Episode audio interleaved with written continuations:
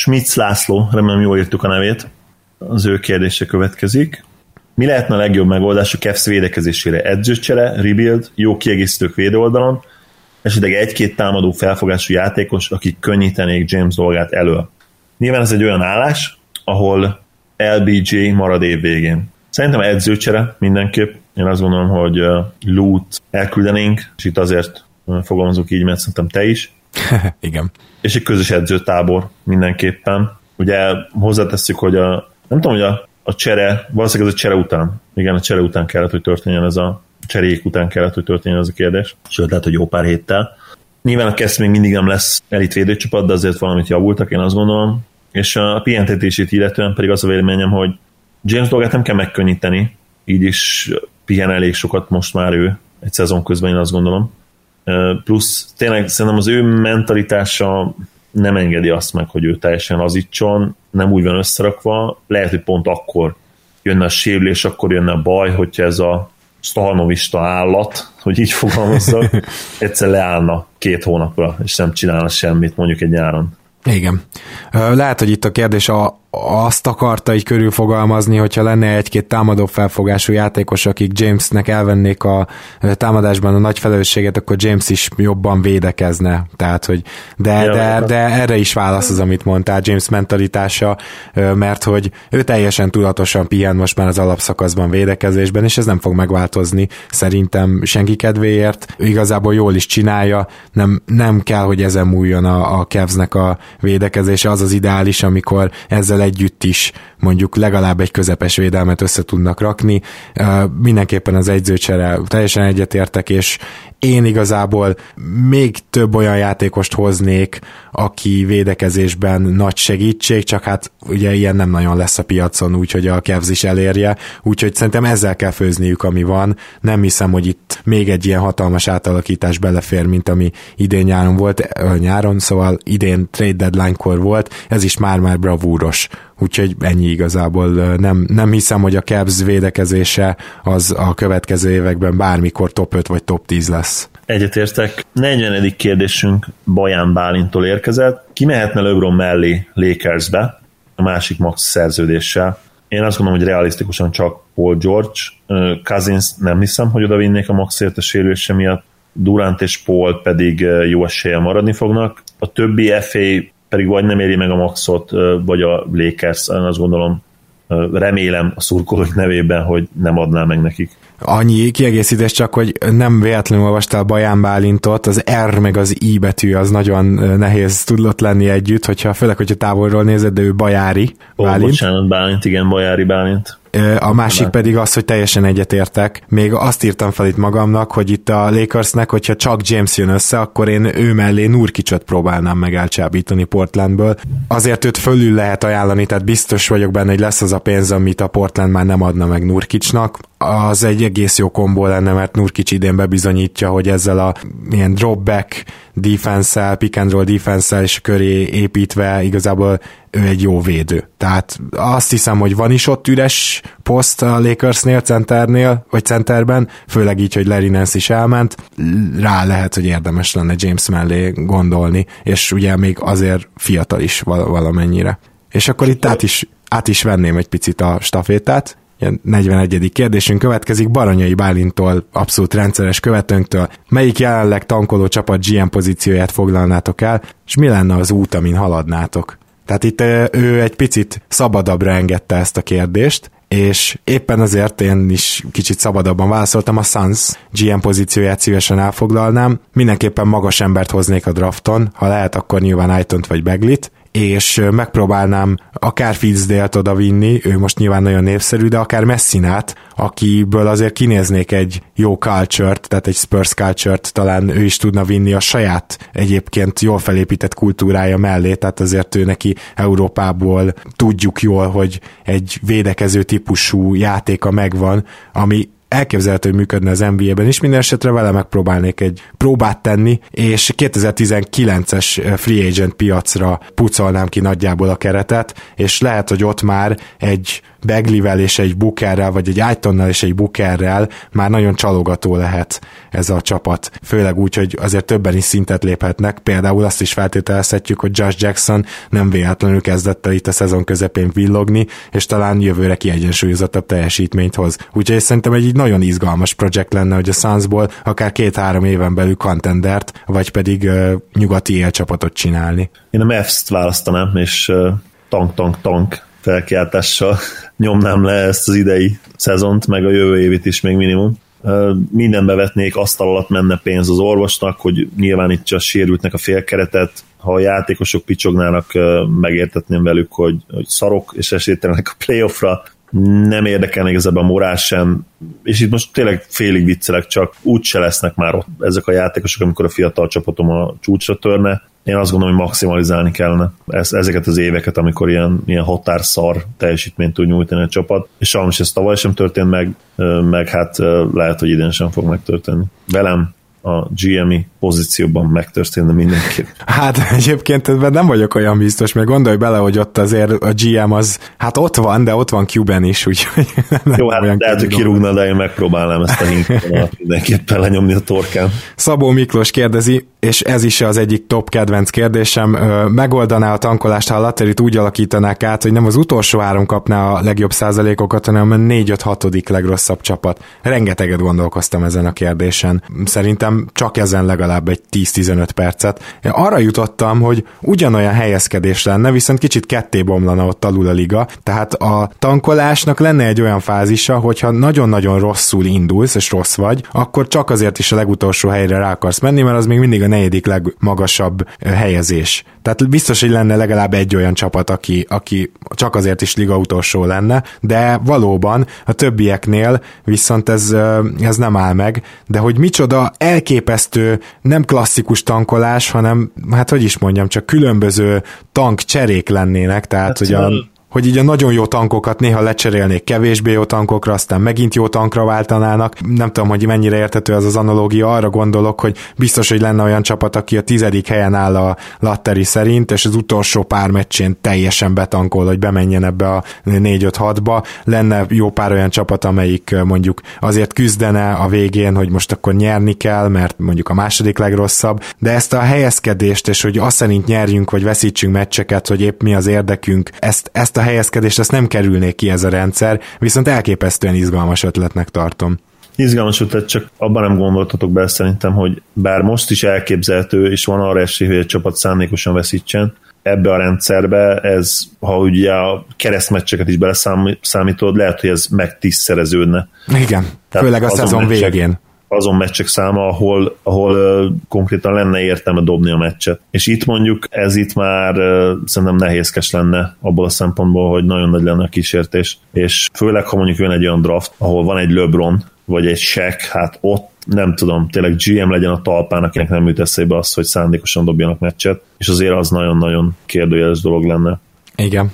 Valószínűleg volt már ilyen, de azt is, azt is valószínűsíthetjük, hogy nem sokszor, hogy ilyen rendszerben azért ez többször előfordulhatna, én azt gondolom. Egyébként pedig a tankolást lehet, hogy effektíve megoldaná, de tényleg milyen áron. Tehát uh, arról nem beszél, hogy ezzel is a legrosszabb csapatokat büntetné tulajdonképpen. Tehát a, a legit, legrosszabb csapatnak ugye itt nem is lehetne a legjobb esély a draft pickre gyakorlatilag ebben a rendszerben. Így van. Bagyinszki Csaba kérdezi, mi a véleményetek a sérülésről, volt már szó róla párszor, továbbra is elég nyitott kérdés, hogy lehetne csökkenteni a számokat, nyilván nem lesz kevesebb meccs. Na, szóval itt a, ami igazán csökkenteni a sérüléseket, az az, hogyha eljutunk majd, lehet, hogy csak 10 vagy 20 év múlva odáig, hogy már olyan dolgokat be tudnak ültetni az emberi testbe, mondjuk a tércalagot, ami pótolja például. Tehát amikor, amikor elérkezünk ide, hogy, hogy itt már nem műtétekre, vagy nem ilyen jellegű gyógyító műtétekre gondolunk, hanem konkrétan elkezdenek robottá válni a játékosok, az lesz a legnagyobb sérülés csökkentő faktor. Egyébként pedig, ha nem csökkented az alapszakasznak a meccseinek a számát, akkor az egyetlen, amivel tudsz kísérletezni, hogy megpróbálsz egy jó átmenetet biztosítani a közül, hogy minél jobban széthúzod a szezont, és hogy egy megfelelő mennyiségű training camp felkészülés is legyen előtte. Lehet, hogy most ugye átestek a ló másik oldalára, és lehetséges, de ezt se tudjuk bebizonyítani, hogy most meg túl kevés volt az előszezon, nem feltétlenül az előszezon meccsek, de maga az előszezon hossza. Ezt ugye több játékos is lenyilatkozta, de hát azelőtt meg az volt a baj, hogy túl hosszú volt, lehet, hogy a kettő között be lehet lőni az arany középutat, de ez egy ilyen nagyon igénybe vevő játék, és hiába a biometrics, hiába a rengeteg fejlődés, amikor viszont maga a játék, főleg védekezésben egyre gyorsabb. Rengeteget beszéltünk már erről, Zoli. Nem tudom, van-e egyáltalán kiegészítésed azzal kapcsolatban, amit elmondtam, mert tudom, hogy nagyon hasonló véleményem vagy. Igen, annyit tennék még hozzá, hogy sérülések mindig lesznek, és a, a véletlenszerűségükkel sem nagyon lehet mit kezdeni, mm, és pont emiatt nem lehet szerintem érdemleges statisztikai megállapításokat sem tenni. Ugye mondhatnánk azt, hogy ebben az évben sokkal több a súlyos sérülés, ami valószínűleg így is van, de nem tudjuk azt bizonyítani, hogy ez nem egy random esemény, és ez valaminek a, a hozadéka lehet, hogy ez teljesen véletlen, és lehet, hogy jövőre egyetlen szupersztárnak sem lesz uh, sérülése. Hekül István kérdezi, leszögezve azt, hogy nem héter, kérdése, hogy szerintetek fog-e még, és ha igen, hány bajnoki címet nyerni LeBron, valamint hány évig tud még konstans ott lenni a nagy döntőben. Ha most kéne tippelnem, azt mondom, hogy már nem nyer bajnoki címet. Hát kell ma a mai NBA-ben egyszerűen a csillagok együttállása, hiába vagy a történelem valaha volt egyik legjobb kosárlabda játékosa, az önmagában nem elég, és a mostani állás szerint én azt gondolom, hogy nem esélyes arra LeBron, hogy bajnoki címet nyerjen, és egy olyan Lakersbe se lenne esélyes szerintem, ahol Paul george összeáll, úgyhogy én most azt tippelném, hogy nem. Én úgy tippelnék, hogyha marad a Cavs-nél, akkor azt gondolom, hogy már nem. Ha elmegy a Phillybe, Spursbe, vagy a Rocketsbe, vagy akár a Lakersbe, és brutálisan jó keretet tudnak összehozni, mondjuk egy Paul george és még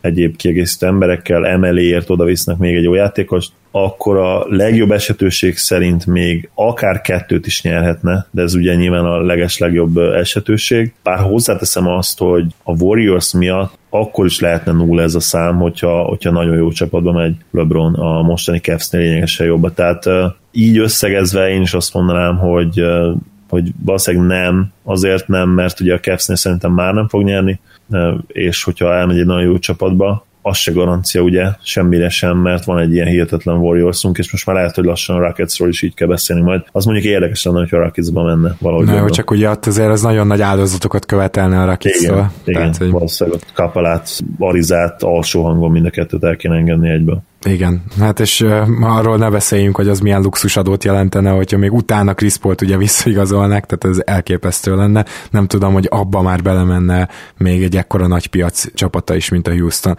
Szabó Dani kérdezi tőlünk, amennyiben új NBA franchise kellene alapítanatok, hol tennétek? Nagyon tetszett a, a felvetés, ugye akár több is lehet, mondta ő, hogy több ötlet is jöhet, de Mexikó városon, meg Las Vegason, meg Londonon túl, tehát hogy gyakorlatilag ezek mostanában nagyon népszerű ötletek. Én megnéztem, tehát itt nagyon fontos szerintem az, hogy azért ne nagyon kis piac legyen, és hát nagyon durva, hogyha megnézed csak lakosság szempontjából sorba rakva az Egyesült Államok városait, akkor az első ilyen 30-ban jelenleg, ahol nincsen NBA csapat, csak texasi vagy kaliforniai város van.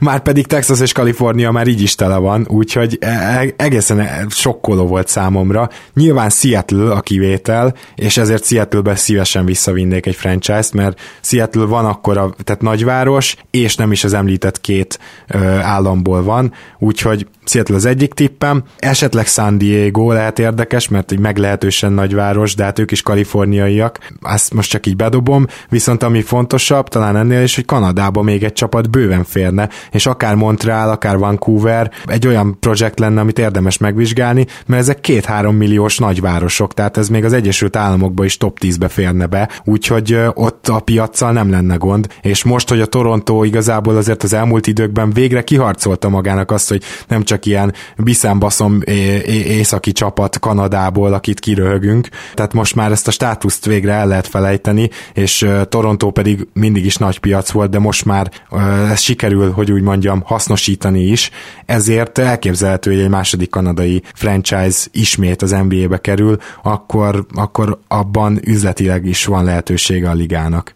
Seattle no-brainer, ahogy mondtad, én is velük kezdenék, megérdemlik az igazság a, a csapatot, és időkérdése szerintem, hogy újra lesz a NBA csapat. Lehet, hogy mondjuk ez az idő, ez 10 év lesz, de, de én azt gondolom, hogy 2030-ra megkockáztatom, hogy biztosan visszatér az NBA Seattle-be. Bár ugye írta Dani, hogy Las vegas meg ugye a szokásos Mexikóváros, igen. Mexikóváros, illetve igen, hogy London, ezeket hagyjuk, bár ugye Európáról még kicsit beszéljünk, mert az érdekes, de én ennek ellenére azért Las Vegasba elnéznék egy NBA csapatot, és egyből el, el is indítanék egy valóságsót, mert ott, ott érdekes lenne.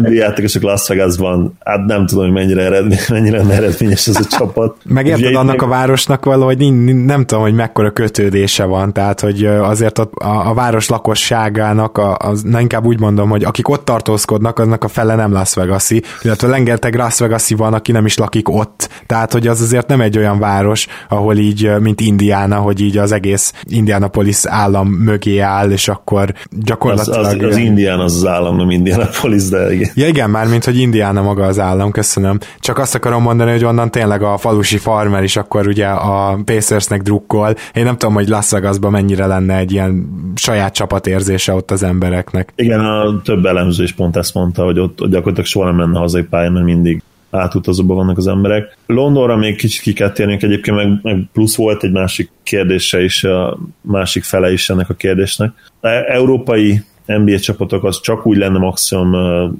reális, hogy akkor egyből többet is csinálnál, és eljönnének csapatok ugye európai túrákra, de akkor megint azt felveti, az európai csapatok az, azok hogyan mennének amerikai túrákra, mert ott az, az kemény dolog lenne azért. Jelen pillanatban mostani mostani repülőkkel én azt gondolom, hogy ez szinte lehetetlen sajnos nem fejlődtek annyit, hát tulajdonképpen a, a feltalálásuk óta mondhatjuk, valahol olvastam ezt, hogy, hogy nem igazán tudták kitolni még a, a határait a, a repülésnek. Hát figyelj, repült itt már ugye hangsebességgel gép, csak mikor letarolta fél Párizst, jó, hát ez nyilván túlzás, de Párizsnak egy kikötő részét, akkor Igen. ugye a Concord leállt. Igen, leállt a Concord, bár hozzáteszem, hogy szerintem Concord sem lenne ez reális, mert ott is azért egy hat órás utak lennének. Hát Párizs igen, is, mondjuk, ez kicsit problémás, ez kétségtelen. És ugye nem az a baj, mert most is vannak ugye 5-6 órás repülőutak, én azt gondolom Amerika egyik keleti, mondjuk keleti partjáról a legtávolabbi nyugati városba. Mondjuk egy jó Miami Portland út, az tényleg nem kevés lehet. Az is, az is nagyon sok óra, de ugye akkor egyszer van ilyen. Egy európai csapatok meg gyakorlatilag minden második meccsen ezt meg kéne húzni, ami hát nyilván lehetetlen. És akkor kérdezte egyébként még Dániel, hogy egyáltalán szükség lenne újakra, ugye mennyire hígulna fel a liga adott esetben, ez volt az egyik kérdése, illetve Ja igen, itt kérdeztem még, hogy a keretek hogyan alakulnak ki friss franchise esetében. Ugye ezt tudjuk, hogy hogy van, mert hát erre van egy protokoll, új franchise van. Ilyenkor úgy megy, hogy a liga eldönti, hogy bővül, csinálnak ugye egy expansion draftot, ahol azt hiszem úgy van, hogy minden csapat feltett a védett listára X számú játékos, pontosan nem tudom, hogy hányat. Hármat? Igen, akkor köszönöm három játékos, és ugye a maradékból válogathat az új csapat. De itt is azt hiszem vannak feltételek, tehát nem, nem lehet mondjuk... Egy csapatból nem lehet többet választani például, igen. Igen, igen. Jó, hát ez az így zalik. Így van, így van, és hogy kellene 31. csapat, nem egy 31. csapattól hígulna fel a liga, hanem már most is egy kicsit híg, tehát az azért az évek óta probléma. Látjuk, hogy a Igen. 30 csapat az, az ilyen szempontból sok, de ez nyilván lejjebb nem fog menni, tehát nem valószínű úgyhogy ezt kell szeretni. Hát ne, nehéz lenne, igen, tíz csapatot mondjuk találni, akit most hirtelen megszüntetnénk, nem örülnének se ők, se a szurkolóik. Független attól, hogy egyébként egy jobb ligát kapnánk, lényegesen jobb ligát kapnánk a, a végén, de hát nem, ez nem fog megtörténni értem szerint, és hát nyilván azért nem is lenne fair, hogyha 10 franchise-nak azt mondanánk, hogy mától te nem létezel. Igen. Herman Norbert kérdezi, a Celticsnek hogy néz ki szerintetek a jövője? Az idény elején elég jól meneteltek, most már kezd kirajzolódni pontosan mennyi van a csapatban, és akkor Gordon Hayward visszatérésével kapcsolatban is tett fel kérdést, meg hogy akkor mi lesz a line-up. Hát a Hayward kérdésre nem válaszolnék, mert ezt megtettük, a line-up az jó kérdés, hogy mi lesz, elképzelhető, hogy Brown és Tatum is benn marad, és akkor Horford megy centerbe, de az is lehet, hogy Tatum kiesik, és akkor ugyanúgy két magassal kezd a Boston, de ez ugye annyira nem lényeges, inkább a crunch time line a lényeges, és abban pedig szerintem nem hiszem, hogy Bain szerepelne, hanem abban Horford lenne a center, tehát ehhez csak ennyit, viszont hogy Hát hogy a Celticsnek hogy néz ki a, a jövője? Jól néz ki a jövője, de Danny Ainge kicsit, mintha ilyen függő lenne, ilyen, ilyen gyakorlatilag eszet halmozás az nála olyan, mint hogyha drogozna, és hát be kellene váltani még, még a maradék eszeteket most egy emberre, mert szerintem kialakult a mag, ezzel már lehet kezdeni valamit, és ezzel már keleti top 3-ba, top 2-be lehet lenni a következő 4-5 év során simán, főleg, hogyha Hayward visszatér, jövő, és most ne az idei évet nézzük, tényleg, hanem jövő évet, akkor, akkor lehet, hogy azt mondanám, hogy a keleti legnagyobb contender a Boston Haywarddal együtt együtt. Tehát én szerintem akár a segükön is maradhatnak, de a maradék eszeteket én még becserélném egy sztára, ha ez nem jön össze Anthony Davisért, akkor is akár egy nála rosszabb játékosra is, aki tényleg segít a, a Bostonon, hogyha van ilyen, és biztos vagyok benne, hogy van, hogy szerintem e- ezen múlik az, hogy itt a Boston bajnoki címre törhet, vagy pedig egy talán jó esetben összejön a bajnoki cím csapat lehet, de hát ennél fényesebb jövőt, amit most felvázoltam, kevés csapatnál tudnék, úgyhogy szerintem a kérdezőnk Norbi, aki már duplán megnyugodhat, tehát emiatt is megnyugodhat, meg természetesen amiatt is, mert ha jól emlékszem, ő már nyert egy slam magazint. Ugye volt egy ilyen kérd, a kérdésének az egyik része így hangzott, vagy az egyik alkérdése, ha fogalmazhatok így, hogy hayward a bajnok aspiránsok lennének-e, csak hayward szerintem még nem. A jelenlegi keret plusz Hayward jelenlegi aktív keret plusz Hayward nagyon-nagyon erős, de én azt gondolom, hogy még Tatum és Brown fejlődését belekalkulálva sem lenne az még elég a bajnoki címhez. Egyetértek veled abszolút abban, hogy kell még egy szupersztár, és... Hát vagy csak egy sztár, tehát én azt sztár. gondolom. Hát mondjuk azért szerintem szupersztár kéne, tehát ha azt nézzük, hogy kell ugye top, minimum egy top 30-as all tehetséget, hogy nyerj bajnoki gyűrűt, már pedig én azt gondolom, hogy ez egyértelmű, hogy a mai ligában kell. Jó, az tényleg nincsen meg nekik. Ez... Akkor az nincs meg, tehát Igen. anélkül én azt gondolom, hogy nehéz. Viszont a, azzal is tudnál érvelni, hogyha belegondolsz, bár nyilván igazad van, és alapvetően kell a top 30-as tehetség, de talán azzal is lehetne érvelni egy picit, hogy Hayward, a tavalyi Hayward, ahogyha azt a játékot mondjuk újra tudná hozni, akkor az kb. mint az idei Irving. Most tök másféle játékosok, csak azt mondom, hogy impactban nagyjából hasonló, és azért két ilyen játékos, aki ugyan nem top 30-as, de azért impactban nagyon ott van, és hát azon meg ne is beszéljünk, hogy Hayward ebben a rendszerben mennyire jó lehetne, és Irvinggel kiegészülve mennyire jó lehetne, az, az az talán kiválthatja ezt a top 30-as játékost, hogyha van mondjuk egy nagyon minőségi segítőjük. Ez is igazából mondhatjuk, hogy Horford az, de azért támadásban kellene itt még egy picit uh, tuningolni a dolgokat. Talánnal egyetértek, az baj, hogy a talán az, az szerintem nem elég, és a talánnál lehetne jobb is. Uh-huh, uh, igen. Talán, talán az átváltozhatna majdnem, vagy, vagy közel szavakra, úgyhogy én azt gondolom, hogy a Celticsnek még tennie kéne, ebben abszolút egyetértünk, tehát te is ezt mondtad. Mm. És minden, és tényleg csak a, a szándék kellene, mert egyébként mindenük megvan ahhoz, hogy egy, egy blockbuster trade-et még megcsinálják. Tehát ez a, most kicsit, ahogy ugye szoktunk fogalmazni, ott vannak, hogy, hogy két seggel ülnek meg ugye egy lovat, ahogy mi szoktuk mondani. El kéne, el kéne határozni magad valami irány mellett, és az teljesen egyértelmű, hogy a totális fiatalitás irányáról már lecsúsztak, az már nem lehet opció ezen a ponton akkor meg all in. Tehát hm. mire várnak akkor? Igazad van. Herceg Zsolt kérdezi, Gábor miért a Timberwolves hater, azért mosolygott utána. Nyilván nem Timberwolves hater vagyok, csak hát tényleg nagyon nehéz nézni azt, amikor sikerül ez a Butler csere, és hát van helyük legalább 20 pár milliójuk a sapka alatt, hogy hozzanak még egy jó játékost, és azt a Jeff Tiget hozzák, akivel együtt már, már négy olyan játékos volt akkor a Minnesota-nál, ahol el kell osztani a labdát, de még nem is Jeff Tig a legnagyobb baj, hanem Jamal Crawford oda vivése utána Wigginsnek idő előtt, vagy hát szóval idő előtti hosszabbítással megadni a maxot, amikor, tehát nem kell ahhoz diploma, hogy rájöjjünk, hogy Wiggins uh, szarvédő, és hogy uh, egyszerűen, hát most az egy dolog, hogy most rossz szezonja van, ezt nem biztos, hogy lehetett várni, játszani, de akkor is elveszi a labdát Carl Anthony Tanzék elől, meg Butler elől, tehát én nem a héter vagyok, csak annyira rossz látni, hogy volt egy ilyen nagy zicser ennek a csapatnak, és lehet, hogy ez az zicser ez úgy marad ki, hogy ebből már nem is lesz contender csapat, mert én nem tudom, hogy így a Wiggins szerződéssel ebből ki lehet-e lábalni. És akkor így kérdezi már mindkettőnktől itt, hogy ha már Wolves közeljövőben lehet-e belőle komoly contender csapat, erre válaszoltam, tehát hogy, hogy ők beszálljanak a Golden State Rockets élmenők párharcába, hát ez nagyon nehéz lesz. Igazából az egyetlen, amiben reménykedhetnek, hogy Carl Anthony Towns még tovább fejlődik, de Carl Anthony Towns már most is sokkal többre lenne képes, csak el kell ugye osztogatni a labdákat. Illetve hát Jeff Tick például azért már, ha jól emlékszem, 30 éves, nem hiszem, hogy ő például fejlődhet. Hát Wiggins az, akit valahogy így nem tudom, valami csoda kell, hogy történjen, meg kell tanulnia védekeznie, és nagyon hatékonyan off the ball játszania.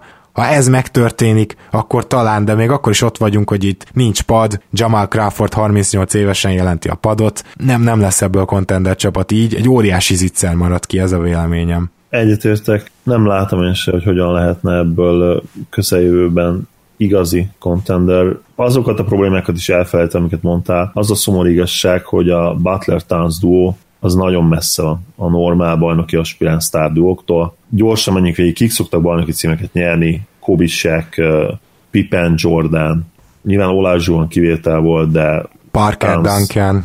Igen, Parker Duncan. Towns ugye nem Olázsóan, Dörr kivétel volt, Towns még csak nem is Dörk egyelőre, nagyon messze van Impactbe a némettől. Mostanában ugye Curry Durant, LeBron Irving, nyilván Irvingnél jobb játékos Butler, de, de összességében azért a Cavs duo jobb volt. Magic, Karim, ha visszamegyünk még, a Celticsnél ugye Bird és attól függően kit választasz szépen abból az elképesztő top 4-es, top 4-ből vagy top 3-ból a Celticsnél. Szóval uh, nehéz. Egyszerűen sem Butler, sem Towns nem, nem ez a top 20, top 30 oltám játékos. Lehetne nyilván alternatíva, volt rá már példa, ugye a pistons mindig említjük, de ott meg ugye egy anomália volt annak a csapatnak a, a személyében, mert gyakorlatilag minden idők legjobb védekezését mutatták be. Ez, ez kéne gyakorlatilag ahhoz is, hogy, hogy ennek a Wolvesnak legyen esélye elkövetkező két-három évben. Hát igen, ettől elég messze vannak, főleg egy Butler nélkül. Igen. Szóval nehéz, nehéz. Nagyon nehéz. Át kéne variálni ezt a keretet, hogyha bajnoki címet akarnak nyerni. Igen. Kraft Zsolt kérdezi, hogy látjátok a Suns jövőjét. Az az igazság, hogy én erre technikailag válaszoltam, elmondtam, hogy mit kellene, de ő így, így kérdezi, hogy a Buken, Booker, Warren, Bender, esetleg Alvin Williams, ugye most már visszatérőben van jól tudom a sérüléséből, de lehet, hogy csak jövőre játszik, és Payton hármason, ötösön kívül még kijöhet free agentként és drafton. Tehát erre csak nagyon röviden, tehát én a 2019-es free agent piacra fókuszálnék a Suns helyében, addig akár át is vennék egyéves lejáró szerződéseket, hogyha úgy van, illetve a korból pedig ne felejtsük ki azt, akit idén draftolt, draftolnak, nyilván az legyen egy magas ember, lehetőleg mondjuk Begli szerintem fantasztikus lenne oda, de hogyha azt mondom, hogy a Sunsnak a védekezéssel problémái vannak, akkor, akkor lehet, hogy Aiton. Ő, ő sem azért, ő se egy bamba szintű védő, de, de Aitonból azért jó védő lehet, és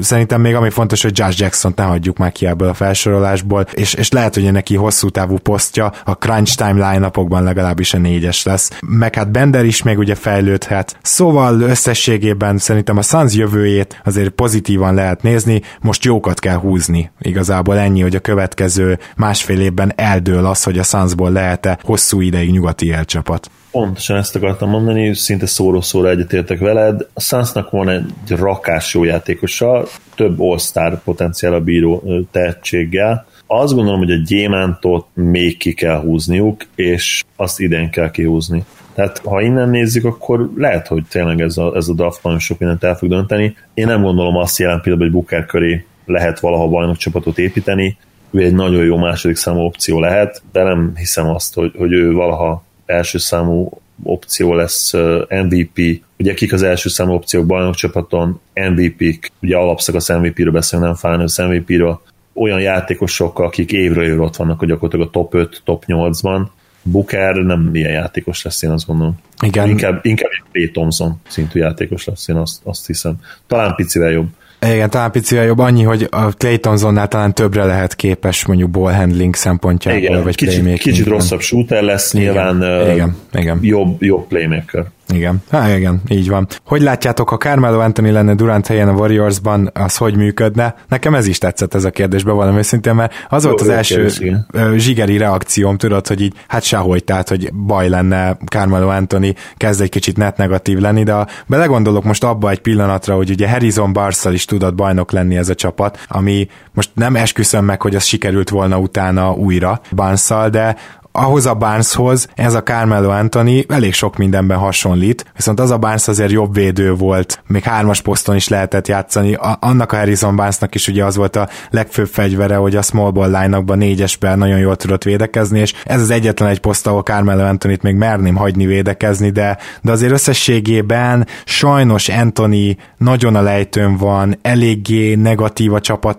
Tának visszaesett a tripla dobása is, amit nem vártunk, ugye pont egy ilyen OKC-ben, emellett pedig rajta, hogy úgy mondjam, nem keresztül folyik a labda, hanem megáll nála, és ha mondjuk be is vás, tehát hogy úgymond bele is menne a Warriors rendszerbe, és azt mondaná, hogy na jó, mostantól ő is így játszik, akkor sem tudom, hogyha 40%-os triplával nagyon hatékony lenne, lehet, hogy támadásban közel ilyen szinten lennének, mint Duranttel, de hát azért Durant annyival több mindent tud nála még így is. Védekezésben viszont ég és föld lenne a különbség, és belegondolva, hogy a Warriorsnak most is a védekezés az, ami egy picit visszaesett magukhoz képest mondva, és ezért nem emelkednek most egyértelműen ki a ligából. Hogyha ebbe belegondolok, akkor azért hiába hozhatna a Warriorsba talán jobb statisztikákat és jobb százalékokat Anthony, lenne baja a Warriorsnak ebben a felállásban. Hadd kezdjem azzal, hogy imádtam a Zoli féle elszólásodat. Ugye az történt, amit én sokszor elkövetek, a buy-in kifejezést. Igen, igen, igen, igen, igen. igen. tükörfordítással lefordítottad a belevásárolva.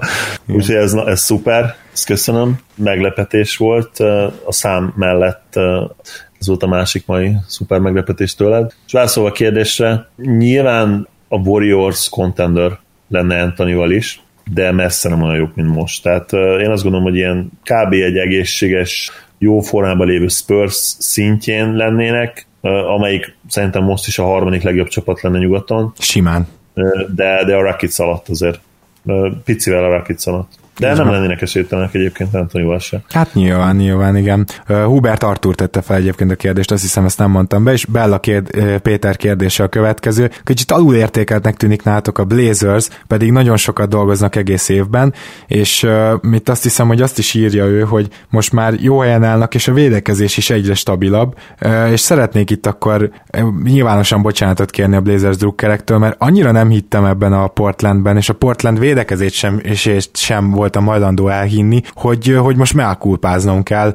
De... Hozzá lehet engem is együtt melkulpázni. Igen, együtt melkulpázhatunk gyakorlatilag, de hát, hogy alulértékeltnek tűnik, ez főleg azért mondhatod, kedves Péter, mert hogy mi ugye nem jósoltunk ilyen jó szezont nekik. Most ez tegyem hozzá, hogy nem tudom, hogy a drukkereken kívül kijósolt nekik ennyire jó szezont mert ez, ez valahogy nem volt benne a pakliban, mint ahogy az se, hogy ugye ott a hatodik, hetedik, nyolcadik helyen tengődnek, aztán Lilárd egyszer csak MVP formába kapcsol. Olyan formába, amit még soha nem láttunk tőle ilyen húzamosabb ideig. Ez sem volt benne a pakliban, sőt Lilárdot ilyen szempontból már kezdtem is magamba egy picit leírni. Örülök neki nagyon, hogy ezt ő most fölül tudta írni, úgymond, de mégiscsak szerintem meglepetés a Portland szereplése, és ezért tűnhet alulértékeltnek nálunk a Portland. Egyébként nagyon örülök ennek a kérdésnek, hogy tisztázzuk azt, hogy nem vagyunk vakok, gondolom te is egyetértesz, látjuk, hogy a Portland miért jó. Két oka van, amit már említettem, a védekezésük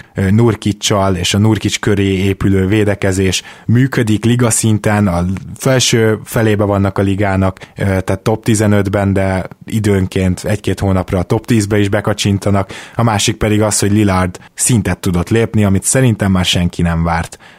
Úgyhogy ennyit, ennyit a Portland alulértékeltségéről. Igen, tehát nyilván melkulpába becsatlakozom én is, muszáj ugye ebbe bele kell állni, úgymond. Ettől függetlenül, és mielőtt ebbe a gondolatba belekezdek, azért az hadd mondjam el Péternek, hogy Péter, hogyha hallgatod az adásokat, akkor tudod, hogy nálam gyakorlatilag mindenki szar, aki nem igazi bajnok esélyes. Az én számból gyakorlatilag elhangzott az, még a szezon előtt, hogy hát a Warriors-on kívül akkor így ebbe az értelemben mindenki szar, mert csak ők az esélyesek a bajnoki címre. Úgyhogy nyilván én egy kicsit extrém vagyok ebben a szempontból, én mindig a bajnoki címre gondolok, akármelyik csapatról beszélek, még a Sunsról vagy Mavsről is, hogy majd hogyan juthatnak el esetleg az igazi contender státuszba. Én nem látok abba komoly értéket, hogy valaki mit tudom én, 6-8 éven keresztül playoff csapat, aztán kiesik az első és a második körben. Nyilván ezzel kapcsolatban nem minden szurkoló ért velem egyet, sőt, úgyhogy ez az, ez az alap kiinduló pont, hogy talán kicsit megértessük, hogy ez rosszul megértessük, ez kicsit ilyen kioktató. Tehát, hogy el, el, igen, hogy elmagyarázzuk, hogy, hogy mi az álláspontom. Kicsit akkor megint szarozva a Portlandet, nem tudok ugye kibújni a bőrömből. Az igazság, hogyha net ratinget megnézed, az, az SRS-t megnézed, bocsánat, S, S, de igen, akár az SRS-t is, ugye, meg ugye az, az SOS-et is, ami ugye a hátralévő sorsolás nehézsége. Strength of schedule, meg ugye az eddig is, nem csak a hátralévő. Ak- én azt gondolom azért, hogy, hogy a Portland nem tipikusan konferencia harmadik csapat jelen pillanatban, tehát az átlagos harmadik helyzet csapatok a konferenciákban azért jobbak szoktak lenni, mint ez a Portland, ha megengedett tőlem ezt. A net ratingjük plusz 2,5, ami nem rossz, de hát semmiképpen sem egy akár ilyen Dark Horse contender szintjén van. Nyilván nagyon szimpatikus a, a Portland, biztos van akinek. nem, ez is, ez is szenyó dolog. Én, én tényleg értem azt, hogy miért szeretik sokan a Portlandet, és nyilván az, hogy Lillardot miért szeretik sokan, az, az no-brainer, tehát rohadtul látványosan játszik a Manus. Én őt is megmondom, hogy picit túlértéketnek tartottam sokáig, akkor így fogalmazok. Hogyha ezt, ezt az idei teljesítményt hozza, akkor akkor megérdemel minden uh, dicséretet. Meglátjuk, hogy, uh, hogy tényleg a play mit tudnak csinálni. Én nem gondolom azt, hogy, hogy akár ők Dark Horse esélyesek lennének idén. Szerintem ebben egyetérteszem, Gábor. Így van, teljesen. Jó, és a legnagyobb erősségek, ha te már így mondtad, így kicsit más én máshonnan közelítettem meg így csapatszinten, meg úgy egyébként a franchise. A legnagyobb erősségük nyilván a hátvéd párosuk. Nagy ő ez a páros támadásban, talán a liga legjobbja. Ugye a Lillard McCallum páros, bár azért nem inkább a Curry thompson azért még elejük venném. Főleg ugye Curry szép csendben egy ilyen historikus szezont hoz le. A szurkolék nagyon nagy erősség, nagyon szeretik a Portlandet. Portlandben már-már ilyen vallási fanatizmussal szurkolnak nekik. Ez is azért szerintem, ha valami, akkor ez mindenképpen alulértékelt dolog velük és, kapcsolatban. És a hazai pálya mérlegük az meg is mutatja ezt egyébként. Igen, így van. Ugye a régi Rose Gardenben is brutálisak voltak, meg azt hiszem most már új helyen vannak ott is. És mivel tudnának még tovább fejlődni? Itt most megint nem leszek pozitív, és utálom tényleg ez, de hát ez a véleményem basszus, mit csinálják. Én, én nem gondolom azt, hogy Lillard és McCallum sokkal tovább tud fejlődni. Lillard most nagyon-nagyon jó, de azért ő nem top 30-es oltime játékos, nem is top 50-es oltime játékos, lehet, hogy nem is top 70-es.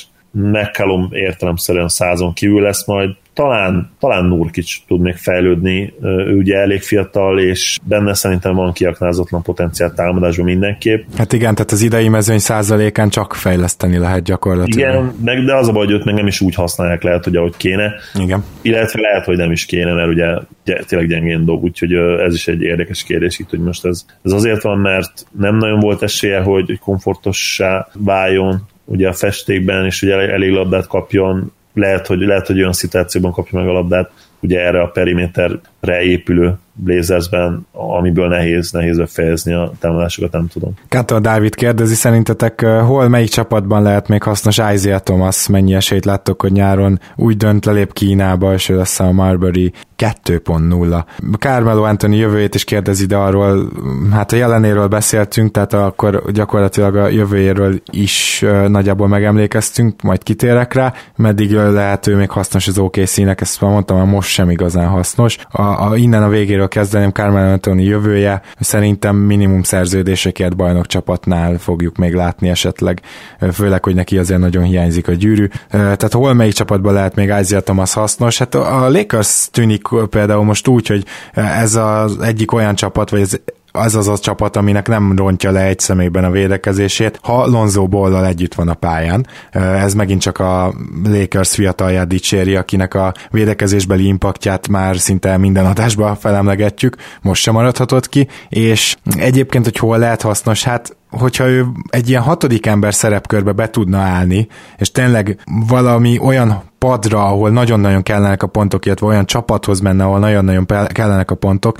például a jazzbe, mondjuk a padról jönni, azt el tudom képzelni, de ez nyilván az is kell, hogy fizikailag egy kicsit még összébb szedje magát, még jobban visszatérjen, mert sajnos az, hogy a liga leggyengébb védője még fizikailag is problémás, az, az már valami olyan iszonyatos űrt jelent védekezésben, amit nincs csapat, amelyik a mai modern NBA-ben be tudna foltozni, úgyhogy muszáj lesz azért neki is még tovább javulnia, de egy ilyen jazz típusú, amúgy jól védekező, pontokkal kicsit hadilában álló, vagy hát mikor, hogy ugye a jazznél az ilyen öt meccsenként változik, csapatot el tudnék képzelni, hogy ott a hatodik ember szerepkörbe jól legyen Thomas. Az idei Thomas szerintem semmelyik csapatnak nem tudna igazán használva válni. Kínába nem fog menni, vagy legalábbis nem ezen a nyáron. Valamelyik csapat még hinni fog benne. Más kérdés, hogy szerintem nem fog neki tetszeni az összeg, vagy az évek száma, meg a menedzserének sem. Carmelo már nem lesz ott bajnokcsapat top 3 játékosok között, ez teljesen egyértelmű, de igazából a peak évei alatt is szerintem egy-két szezon volt, ahol ez egyáltalán lehetséges lett volna.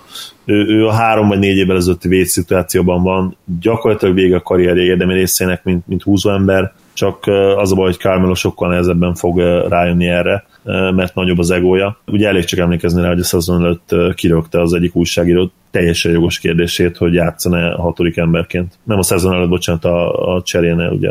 Igen, de az a szezon előtt volt gyakorlatilag. De akkor, igen, a szezon előtt volt, akkor jól mondtam, igen. És akkor elérkeztünk a következő sorsolásunkhoz, a negyedik jön, és hát Zoli, akkor ismét arra szeretnél kérni, hogy pofosz fel a közjegyzőt, aki elfoglalta az ágyadat, és kérd meg, hogy figyeljen nagyon oda, amikor sorsolsz. Rendben.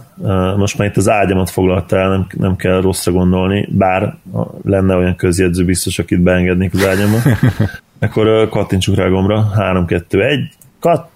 A 74-es számot kaptuk meg. Azta. És a 74-es szám pedig Haha, na ez érdekes lesz, szóval elnézést kérek, hogyha rosszul mondom a nevet. Ugye Adam Zsedenyi, ennyi van Facebookon, tehát ez vagy Zsedényi, vagy Zsédenyi, vagy Zsédényi Ádám. Én minden esetre akárhogy is legyen, szívből gratulálunk a Slam magazin különleges kiadásához. Jó, és akkor menjünk tovább az 52. kérdéssel. Farkas Tamástól kaptuk ezt. Pelicans DMC AD kaphat-e Cousins max utas sérülése miatt? Ha igen, akkor a Pelicans lesz az a csapat? Mi lehet Davis jövője, ha Cousins mégsem maradna? Esetleg teljesen szétesik a Pelicans és postázzák Édit Bostonba? Kaphat max szerződést, én személy szerint nem adnék neki. Édétől pedig szerintem nem fognak megválni, pedig lehet, hogy most kéne őt elboltolni valamelyik franchise fele királyságait. Elképzelhető. Én gyakorlatilag más tehez nem is tudok hozzáfűzni, úgyhogy részemről akár mehetünk tovább, főleg, hogy egy nagyon durva kérdés jön. Igen, melyik játékos, melyik trónok harca karakter lenne? Ugye ezt uh, Cibok Dani barátunktól kaptuk ezt a kérdést. Uh, én Bobánnal kezdeném. Ő ugye, hát gyakorlatilag bármelyik óriás lehetne, smink se kéne, csak ráadnál egy kabátot, kezébe nyomsz egy kardot és mehet. Cersei engem Phil Jackson emlékeztet, ugye nagy szarkeverő mind a kettő. IT, Isaiah Thomas, Tyrion Lannister lenne, csak ugye humorérzék és ész nélkül. Edark Stark nálam hinki lenne, mint ugye a bátor vezető, aki, aki megfizetett bűneinkért, és itt hagyta egy szebb világ lehetőségét, és Popovicsot még a Night King-el azonosítom, ugye nála halottak azok elég sűrűn felkelnek, és ki tud hozni belőlük elég sokat. Hú, én is készültem, lesz átfedés. Ugye ezért aztán Aira Starkra gondoltam, mert hogy néha úgy, úgy okoz káoszt, hogy így mindent tönkre tesz, néhol meg segít, és Thomasra ez igaz szerintem. Aztán Jamie, ugye Jamie Lannister, aki gyakorlatilag egy ilyen tényleg nagyképű, eltelve magától, enyém a világ típusú karakterből fejlődött egy, egy egyre inkább szerény és alázatos karakterré, gyakorlatilag megtanították erre az idők, ez Cory megeti, szerintem egy az egyben. Marjanovicsra én is írtam Vun ugye ő az óriásunk. Aztán ugye van nekünk egy Denning, Daenerysünk, aki egy ilyen sárkányon lovagolva az ígéret földjére megérkezik a projekttel, ami ugye a szabad országok projektje, tehát uh, Trust the Process, és ez pedig Embiid lenne nálam akkor Danny, éppen ez, ezért. nálam Curry lenne a Night King, nemes egyszerűséggel azért, mert hogy ilyen elképesztő higgadsággal gyakorlatilag szórakozik néha a pályán, de persze, hogyha ránézek, akkor uh, egyetemű Popovicsra még hasonlít is egy kicsit a Night King, úgyhogy úgyhogy ez az se rossz. Popnak milyen színű szeme van, Currynek kék szeme van, úgyhogy az jó. Meg az jutott még eszembe, hogy hát Curry is ugye mesterlövész, csak ő nem a gerelje, hanem a, Igen. a labdával. Igen, aztán Oberin herceg lenne Kyrie Irving, akinek a fantasztikus harcképességeit azt Hú, ugye... Ez, ez nagyon jó, azt tetszik.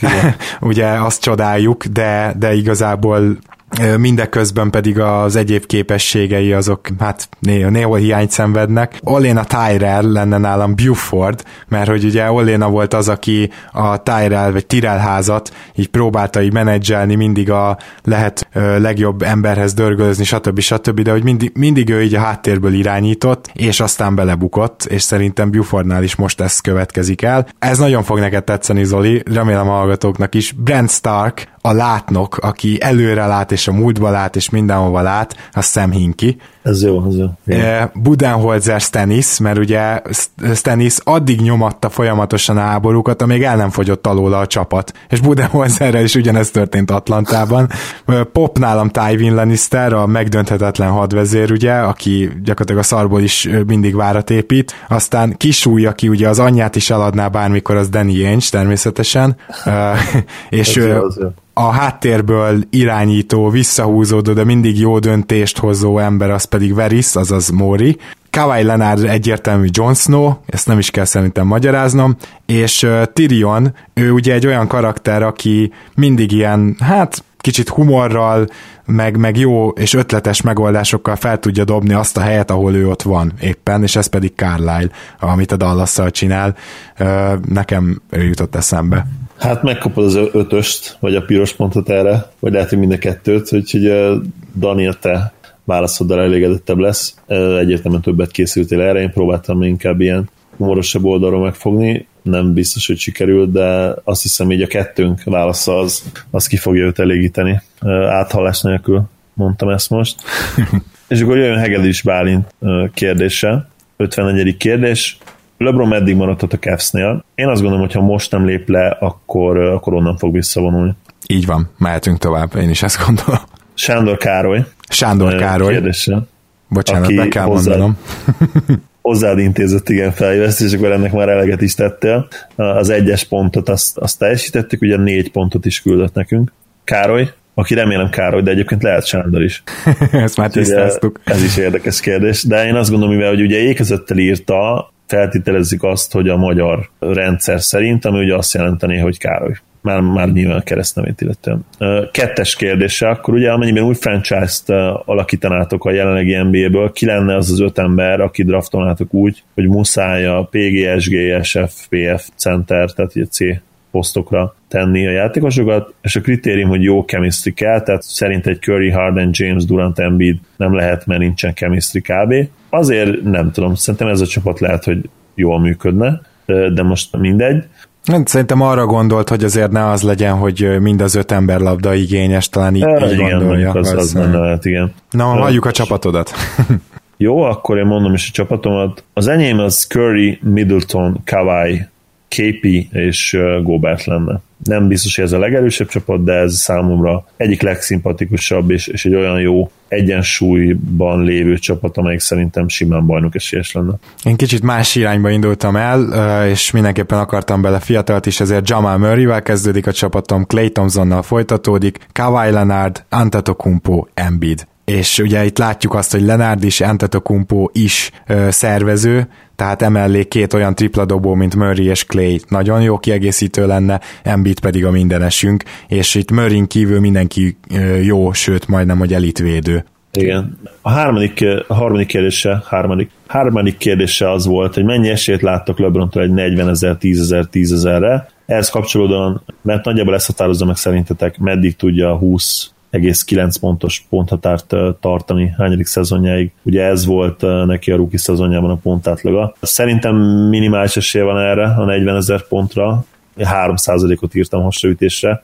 Ugye Karim pont rekordja valami 38.200-300 valami ilyesmi. A 40 ezer az onnan még egy borzasztó nagy ugrás, úgyhogy szerintem a 40 ezer miatt ez kilőve. A 10 ezer 10 ezer az viszont nem csak, hogy meg lehet, hanem jó esélye meg is lesz de akkor kicsit átalakítom már a kérdést, szerintem olyan 20% esély van arra, hogy, a, hogy meg lesz a pontrekord is, és a 10 ezer 10 ezer is LeBronnak, ami, ami nem rossz esély egyébként. Igen, nem rossz esély, és ehhez én sem tudok ennél többet hozzátenni. Jó, és akkor ugye itt még kérdezte azt, hogy hányadik szezonjáig tudja tartani, a 20,9 pontos pontot, minimum. Idén értem szóval simán meg lesz, jövőre simán meg lesz, utána is meg lesz még, és akkor én azt mondanám, hogy amikor a 30 36. 7. életébe belép, onnantól kezdve kezd majd érdekes lenni, de ez nyilván attól is függ, hogy milyen csapatban megy. Például, hogyha a Sixersbe menne, akkor lehet, hogy már jövőre mondjuk ez megdőlne, és idézőjelben csak ilyen, ilyen 20,5 pontot, vagy 20 pont körüli átlagot tenne be a közösbe. Persze, benne van a pakliban. És van még egy kérdésünk Karesztől, ugye? Igen, a 2012-es Heat, a 2016-os Cavs, a 2014-es Spurs, vagy a 2010-es Mavs nyerne egy playoff párazat szerintetek. Én azt gondolom, hogy itt a 2011-es Mavs-re gondolt, nem pedig a 10-esre, úgyhogy én így Igen. válaszoltam meg a kérdést, és az volt a válaszom, hogy lehetetlen ezt megválaszolni. Ezen csapatok nem csak, hogy nagyon jók, de meccsabban is brutálisak lennének egymás ellen, és bár nagyon jók, mégsem korszakos alakulatok, tehát nem dinasztiák, úgyhogy én, én nem tudnék soha rendet tenni, csomó meccsap ezek közül ilyen 50-50 körül lenne, és lehet, hogy az döntene, hogy nem tudom, kinek van hazai pályája, vagy, vagy ilyesmi. Hát most, hogyha meg kell, hogy nézzem, hogy ki, ki a két legjobb csapat ebből a négy felsoroltból, akkor az a 12-es hit meg a 14-es Spurs, és majdnem, hogy a 12-es hit győzte le, aztán a 14-es Spurs, nem teljesen, tehát ez itt csalás lenne ezt mondani, de ha, ha muszáj lenne, akkor én a 14-es Spurs tartom ezek közül a legjobb csapatnak. Lehet, hogy mindent összegezve igen, de egyébként például a net ratingeket megnéztem a playoffra, az alapján azt hiszem a 11-es Mavs is ott volt a legjobbak között, plusz a 11-es Mavs, amikor egészséges volt mindenki, az alapszakaszban is van brutális net volt, ilyen 8-9 körül, úgyhogy szerintem kicsit árnyaltabb ez a kép, de, de fogadom a válaszodat. Jó, akkor az 56. kérdésünk következik, Horotán már néző hallgatónktól. Mi a véleményetek Ice Cube Big Free nyári ligájáról, illetve követétek az első szezont, vagy fogjátok el a másodikat követni?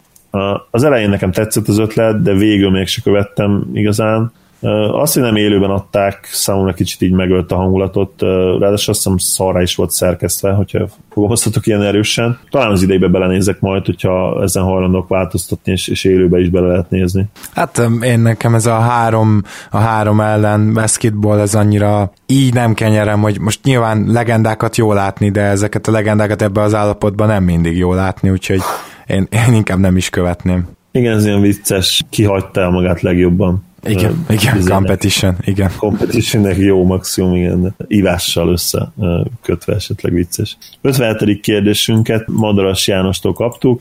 Mi a véleményetek Elmeka Okafor visszatéréséről a ligába? Gyakorlatilag, a teljes, gyakorlatilag négy teljes szezon kihagyott, és most úgy játszik, mintha el sem ment volna van így esélye a Pelicansnek bejutni a rájátszásba legalább egy kör erejéig, ha a védekezése továbbra is elit marad? Én nem feltétlenül értek egyet az alap következtetéssel sem. Azért legyünk őszintén meccsenként ilyen 17-18 percet játszik Okafor, támadásban már gyakorlatilag nulla non-faktor, azért ez a peak évei alatt nem így volt. Védekezésben a rutinjával nyilván mindig sokat segít, de a probléma az, hogy nem lehet ezt se készpénznek venni tőle, hogy most ő innen a playoff végéig meccsenként 20 ragyogó percen pályán tud lenni. Nagyon sok dolog lehet itt problémás vele kapcsolatban. Hogy mehet-e egy kört a Pelicans? Persze, hogyha ha nem csúsznak vissza a 7.-8. helyre, akkor mehetnek, ha visszacsúsznának, akkor vélemény szerint nagyon simán ki fognak esni. Így van. János, még mint hogy te vagy a kérdező, csak emlékeztetnélek arra, hogy mielőtt megsérült Okafor,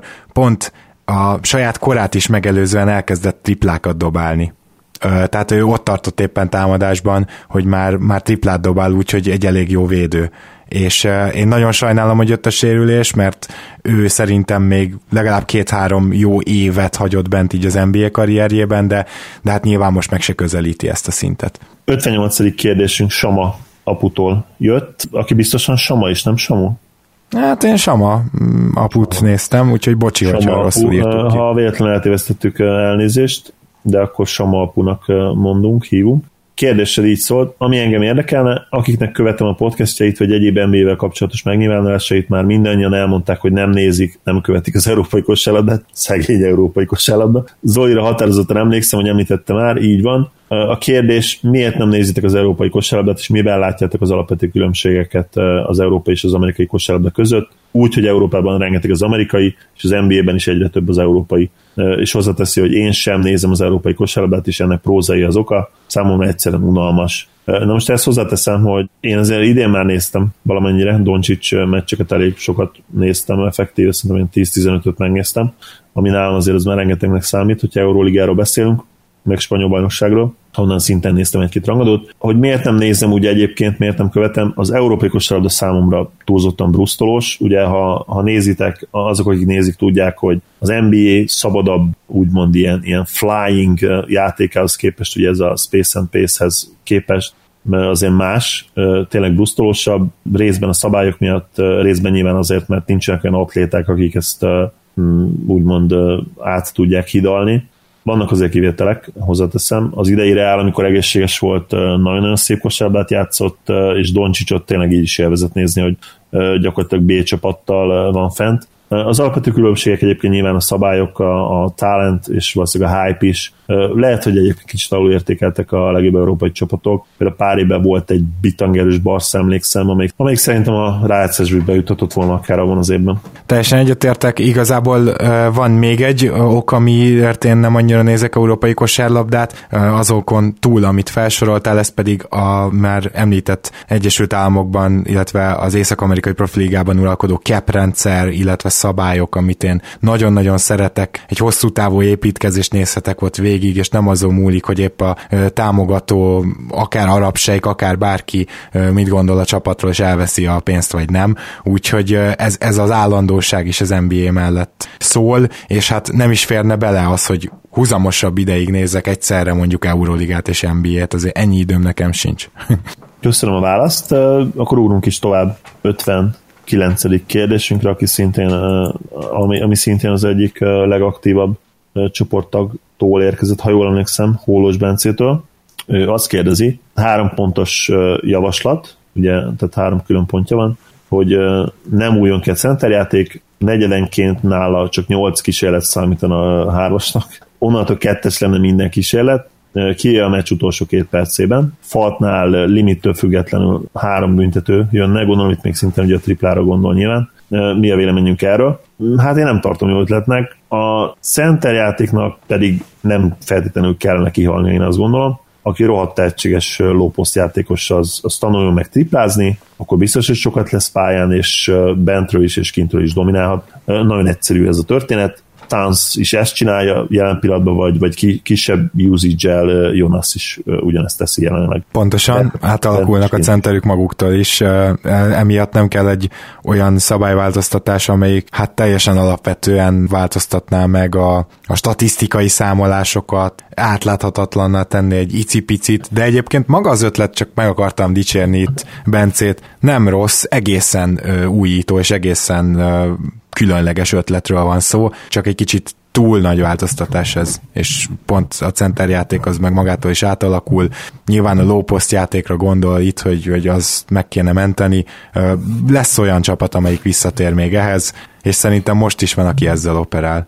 Bezse Dominik kérdése jön, ami ugye a 60 Lesz-e valamik a következő öt évben a Boston? Én azt mondanám, hogyha tudnak cserélni még egy szupersztárért, akkor jó eséllyel igen. Ha nem, akkor viszont szerintem csak a döntő fog összejönni. Nagyjából ugyanezen a véleményem vagyok, hogyha nem sikerül még jobban felhúzni ezt a keretet, bár nem nem merek arra fogadni, hogy Hayward nem lesz egy nagy plusz, de akkor is azt gondolom, hogy a Fili például átugorhatja őket, és ez lehet a probléma, de benne van a pakliban. Akkor uh, itt most egy picit én uh, venném át a kérdéseket, mégpedig Zsila Bence kérdésével, amelyik a 61 Melyik játékos, akár régi legenda, akár jelenlegi életéről néznétek meg legszívesebben egy mélyreható életrajzi filmet? És ez egy nagyon jó elgondolkoztató kérdés volt, mert hogy itt aztán azért olyan történetek vannak a, a játékosokról köztudottan, amik tényleg filmre kívánkoznak, és az az igazság, hogy én nem vagyok nagy tudója a régi történeteknek, tehát mondjuk a 90-es évekből is biztos vagyok benne, hogy rengeteg olyan játékos van, akinek az életéről nagyon jó filmeket lehetne forgatni, de én engem kettő játékos érdekelne kifejezetten, az egyik Drazen Petrovic, a másik Demar DeRozan. Ugye DeRozan egészen elképesztő körülmények között nőtt fel, és hogy, hogy ebből hogy lehetett tényleg ez a minden évben fejlődő mentalitás, mert mint a mentalitása tényleg az, hogy szétdolgozza az agyát, és egyszerűen még nem jött vissza úgy, hogy csak ugyanolyan jó, hanem minden évben jobb. Ezt, ezt, ezt így végigkövetni, kiindulva abból, hogy ugye gyakorlatilag folyamatosan lőtték le a haverjait, temetésről temetésre járt, és depressziós is volt még a pályafutása alatt is. Ez szerintem fantasztikus sztori lenne, Petrovicsot pedig szerintem nem kell mondani, meg talán azért róla van is életrajzi film már. Én is így, így fogtam meg ezt a kérdést, és azt gondolom, hogy ezt így is kell. Nyilván mely sztorik érdekesek, a, a hányattatott sorsok, azok mindenképp érdekesek szinte mindig. Ódom életéből jó dráma lenne. Ugye vele is nagyon sok rossz dolog történt, aztán ugye jött ez a gyakorlatilag ez a valóság show történet, ugye a Kardashian család tagja lett átmenetileg, az is nyilván egy moziba nagyon jó téma lenne. Rajta kívül egy MG életrajzi film nyilván ütne Vilté, Will Chamberlainé, azt gondolom, hogy ez nem kérdés, hogy rohadtul érdekes lenne egyrészt ugye abban a korban dominált ő, ahol még a rasszizmus nagyon-nagyon erősen jelen volt az amerikai mindennapokban, talán még a segregation előtti időszakban is volt ő bőven játékos, én azt gondolom. Lehet, hogy rosszul használtam ezt a szót, segregation. Akkor elnézést, de biztos tudjátok, mire gondolok. Aki még érdekes lenne nem szupersztárok közül Ódon mellett, azt szerintem egy Ibaka biopic, az is nagyon érdekes lenne. Ugye belőle könnyen lehetett volna gyerekkatona Igen. Afrikában, Kongóban. Biztos, hogy az is megérne egy misét. Hm. Azért szerintem itt egész érdekes neveket hoztunk fel. Valent Ádám kérdezi, lesz-e valamikor saját honlapotok? Terveink szerint nem, mert hogy mennyire hasznos lenne ugye, hogy mindent egy helyen meg lehet találni, meg esetleg az adások közben beivatkozott podcastek, cikkek linkjét is. Mert ebben egyetértek egy kicsit, de ezért, ezért van ott a SoundCloud, és ezért rakosgatjuk ki, bár most kicsit le vagyunk maradva a saját honlapunkra is ezért a linkeket. Annyit megígérhetünk, hogy a saját honlapunkat a következő századás alatt sokkal, sokkal sokkal, mármint honlapunkat, szóval Facebook oldalunkat, gondolom értitek, erre gondoltam, ezt sokkal-sokkal kevésbé fogjuk elhanyagolni. Igen, bocsánat, hogy közölvágnék, hogy jelezzetek vissza ezzel kapcsolatban, hogy nekünk van egy csomó random gondolatunk, ugye szívesen olvasnátok akár ilyen vicces, rövid Facebook posztokat is, hogy mondjuk nézek egy meccset, közben ez is ez eszembe jut. Gáborra beszéltük, hogy erre a Twitter lenne valószínűleg a legalkalmasabb, de én attól félek, hogy hogy nagyon kevés csoporttagúnak van Twittere. Én valahogy úgy gondolok, gondolkodom a Twitterről, lehet, hogy tévedek, akkor ezt is erősítsétek meg, vagy illetve cáfoljátok meg, vagy hogyha igazam van, akkor erősítsétek meg, hogy nagyon-nagyon a hardcore szurkolóknak van csak például a Twittere, hogyha NBA hírekre gondolunk, és szerintem 10-ből egy nézőhallgatónak van kb. Twitterje, de mondom, hogyha tévedek, akkor, akkor írjátok meg, hogy hol olvasnátok ilyen viccesebb posztokat, vagy egyáltalán van erre igény, és ha igen, akkor Facebookon legyünk aktívabbak, vagy, vagy csináljunk egy Twitter accountot, és ott akár lehet, hogy szavazást is kírunk majd erről, úgyhogy előre is köszönjük a, válaszokat. Így is van, és még Ádám kérdező, hogy gondolkozunk-e több külsős vendég meghívásán, és nem feltétlenül drukkerekre, hanem kosarasokra, a szakvezetőkre, kosárlabdával kapcsolatos cégek képviselőire gondol. Ez a folyamat már elkezdődött, a válasz pedig az, hogy igen. Jó, és itt annyit reagálnék én is még, hogy van még ennél nagyobb volumenű álmunk is, szeretnénk olyan külsős vendéget is, aki az NBA-ben is aktív. Én ráírtam a Dust rendszeren, ugye ez a Cuban-nak a saját ilyen telefonos programja, apja, ráírtam konkrétan Cuban-ra, válaszolt is, nem, nem ér rá sajnos, tehát 15 percre se lesz ránk.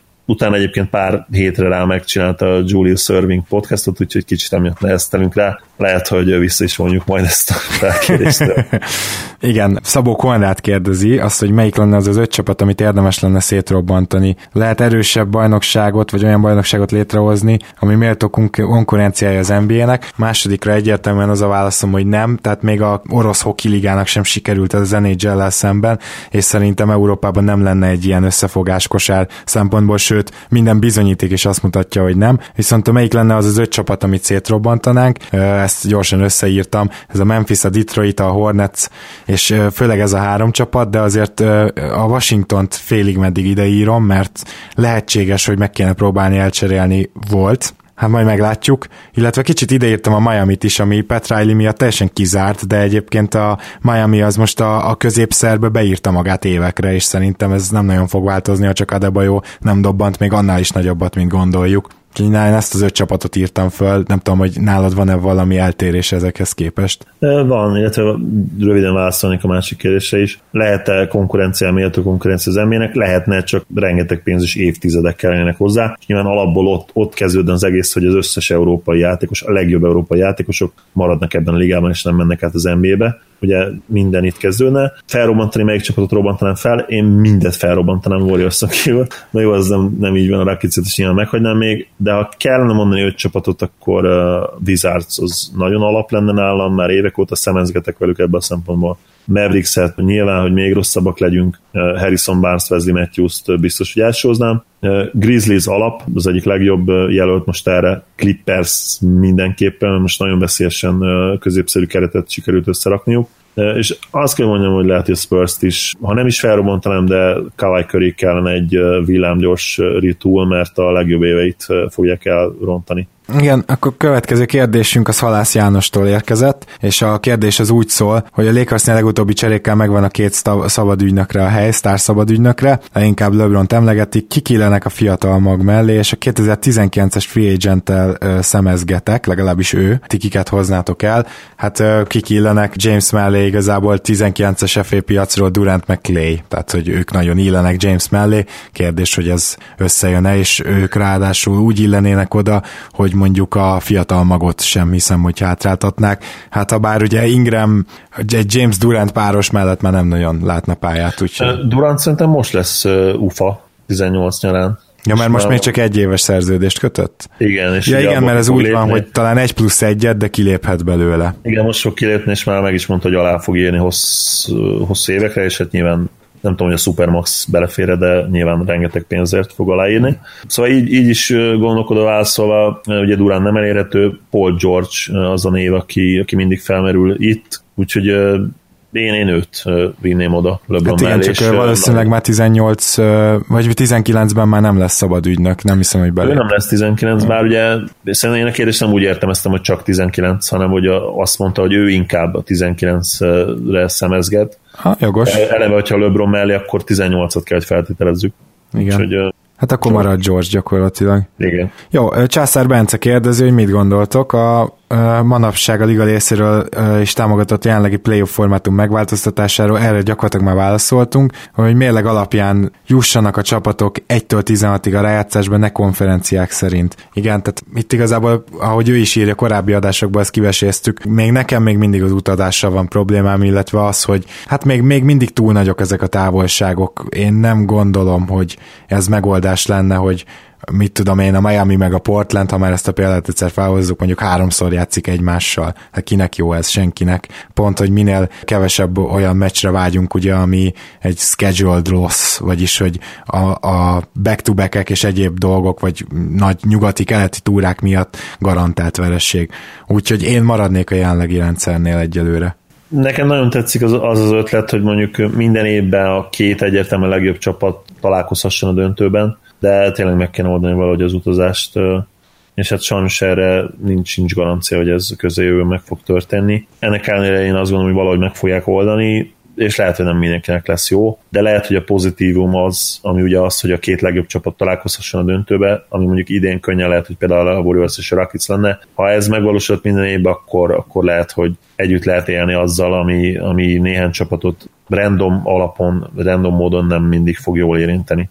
Következő kérdés fantasztikus, nagyon tetszett, Fehér Mátétól kaptuk, hogy néznek ki az eltékozott tehetségekből álló kezdőt, és külön kikötötte, hogy nem sérülések miatt meghiúsult nagy karrierekről akar hallani, hanem tényleg klasszik eltékozott tehetségekről. Az én kezdőötösömben Ty Lawson van ott, Mayo, Megeti, de akár Rudigé is lehet, mert hogy ő is ennél sokkal többre volt hivatott, Michael Beasley a négyesem, és az ötös poszton is két jelöltem van, Andrea Bargnani, de hogyha a védekezést akarjuk előtetni, akkor pedig Larry Sanders. Zoli? Nem rossz. Én land bias mondanám mindenképp. Ugye nagyon sajnálatos kokain túladagolásba elhunyt a draft után talán pár nappal. második helyen volt kihúzva, és ugye róla mondták azt, hogy ő lesz a következő Jordan. Ő ott lenne, Ódom is nyilván, aki borzasztóan nagy tehetség volt, és 32-3 éves koráig azért játszott, talán még akkor nem is voltak olyan komoly drog problémái, és ugye mégse hozta ki a maximumot a saját magából. Őt ugye Magichez hasonlították egy időben. Darius Millert mindenképp meg kell említeni, Kenny Anderson-t, ő az egyik legeklatánsabb példa ide, és én centerbe Bynumot raktam. Aztán ez is egy korrekt. Na akkor az egyik eddigi győztesünk Debreceni Gergő kérdése jön a 67. helyen. Uh, Cowherd nagyon gyakran beszél arról, hogy LeBron Jamesnek érdemes lenne egy időre visszavonulnia, hogy más nagyok is tették, mint például MJ, és hogy utána megnézni a piacot és a megfelelő csapatba visszajönni. Azért ne felejtjük el, hogy MJ konkrétan a saját csapatába jött vissza. Én meghúznám, az az igazság. Tehát, hogy egy évet lehet, hogy kiülnék James helyében lehet, hogy még, még jobban meghosszabbítaná ez a karrierjét. Szóval nem, nem biztos, hogy az rosszat tesz, nem, nem biztos, hogy ugye ez úgy működik, hogy akkor az az egy év öregedés, meg kihagyás az mindig rossz. Jordannél sem volt rossz, de nem tudom, ez James érzi. Én, én lehet, hogy megpróbálnám, főleg most, hogy lehet, hogy nem nagyon tudok most bajnok csapathoz menni. Kihangsúlyozom, hogy itt most Coward ötletére reagálok, tehát nem a tiédre és nem Gergőjére én baromságnak tartom. Azon egyszerű oknál fogva, hogy egyrészt azzal sértek egyet, hogy elég sűrűn előfordul, ugye így fogalmazott Gergő, ugye MJ sem ezt tette, én azt gondolom, nem megfutamodásról volt szó, ami itt azért megfutamodás lenne, amiatt ül neki LeBron, hogy hát változnak az erőviszonyok. Ugye MJ három ok miatt vonulhatott vissza átmenetileg, vagy az apja miatt, vagy azért, mert elvesztette a motivációját, ő ugye ezt mondta, ezt nyilatkozta le, vagy mert eltította a liga, kapott egy silent band, ez egy olyan összeesküvés elmélet, ami mellett azért vannak közvetett bizonyítékok. Ugye LeBronnál azért nem erről lenne szó, és ilyen formán ezt a pihenést én, én nem tudom, akár még gondolati szinten sem támogatni. Hát igen, ebben van valami. Ifja Bogyó Tibor kérdezi LeBron James és Spurs kapcsolatát, ugye már kaptunk egy ilyen kérdést. Most csak erre annyit röviden, hogy a James Kawai páros, ez fantasztikus lenne, de hát a Spursnek egyelőre nincsen arra lehetősége, hogy James-t akár még egy, azt hiszem még sign and trade se nagyon tudnák most oda vinni, úgyhogy ez elég problémás. Ha csak simán így teoretikusan felvetjük, hogy milyen jó lenne ott, meg Popovics alatt, igen, egyetértek, és én is nagyon megnézném, de hát ez nem úgy megy, hogy James csak úgy odaigazol majd veterán minimumért, meg emeléért. Igen, én is imádnám a Pop, LeBron, Kawai trio brutális lenne, a nyugati playoff pedig talán minden idők legerősebb és leg, legizgalmasabb, de nem fog megtörténni sajnos esélytelen, pedig tényleg izgalmas lenne. Fazekas Dániel kérdezi, ha ti döntenétek ketten együtt bármelyik franchise együtt kirúghatnátok, akkor melyik csapatot választanátok, és hát ezt meg kell érvelnünk egymásnak, úgyhogy akkor én felírtam két egyzőt, és akkor mondd, hogy te kit írtál fel, és akkor én majd a másik mellett érvelek. Jó, tehát ugye a Lou kérdésben egyetértünk, szerintem valószínűleg felírta, mind a ketten ugye lapátra tennénk, így gyorsan megegyeztünk. Igen. És akkor mondjuk kézzel kapcsolatban érvelhetünk, én azt mondanám, hogy rúgjuk ki, hm. mert lehet, hogy veszítünk rövid távon valamit, de hosszú távon lehet, hogy többet nyerünk. Te az ellenérved.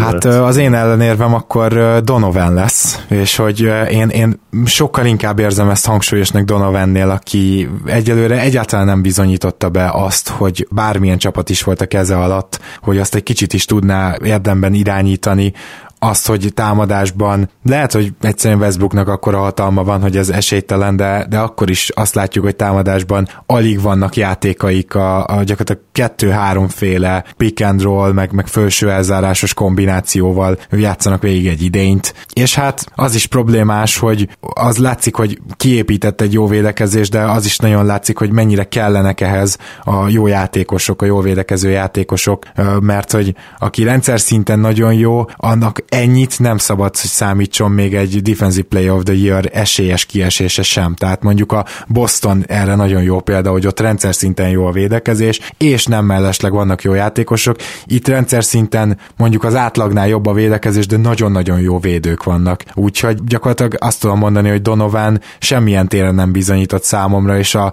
OKC most all nyomott, és ezt ezzel az egyzővel nem lehet, tehát náluk sürgetőbb a kérdés meggyőztél, Donovan jobb, jobb jelölt lenne, mint Kézi. Egyetért. Ó, oh, nagyon szépen köszönöm. És akkor a 70. kérdés, az utolsó kérdés, amit én teszek ma föl, az pedig eh, Áros Balástól kaptuk. Azt szeretném kérdezni, hogy véleményetek szerint OJ Mayo-ból még lehet-e NBA játékos, és tud-e segíteni a Bucksnak. Ha jós lennék, akkor nagyon szívesen válaszolni erre, nem vagyok az, viszont én, én szerettem Mayot, és én még, a, még, még azt a Mayot is kedveltem, aki már nem volt annyira jó játékos, mint az első két évében, de hát sajnos a mielőtt még elment erre az eltiltásra, az utolsó két éve az már igencsak net negatívra sikerült a pályán, és hogy most két év eltiltásban vissza tudjon jönni, őszintén azt a választ kell adnom, hogy nem. De azt mondom, hogy a eltiltásra le is járt már neki, nem? Na, most fog majd, tehát jövőre már visszatérhet a Buckshoz. És akkor miért volt, én olvastam tavaly híreket 17 nyarán, hogy, hogy OG Mayo készül a visszatérésre, hogy vissza tudjon jönni. Hát nem, egy akkor... évre előre szólt szerintem a cikk. Látom. Válaszol a kérdésre, nem hiszem, és itt azért nem nyilván, mert nem úgy tűnik, hogy ő összetörnek kezét, lábát, hogy újra NBA játékos legyen. Ugye nem, nem kell messzebbre menni, mint a, a felhoz ezt a sztorit, amikor egy cikk kiszületett arról, hogy hol a picsában van OG Mayo.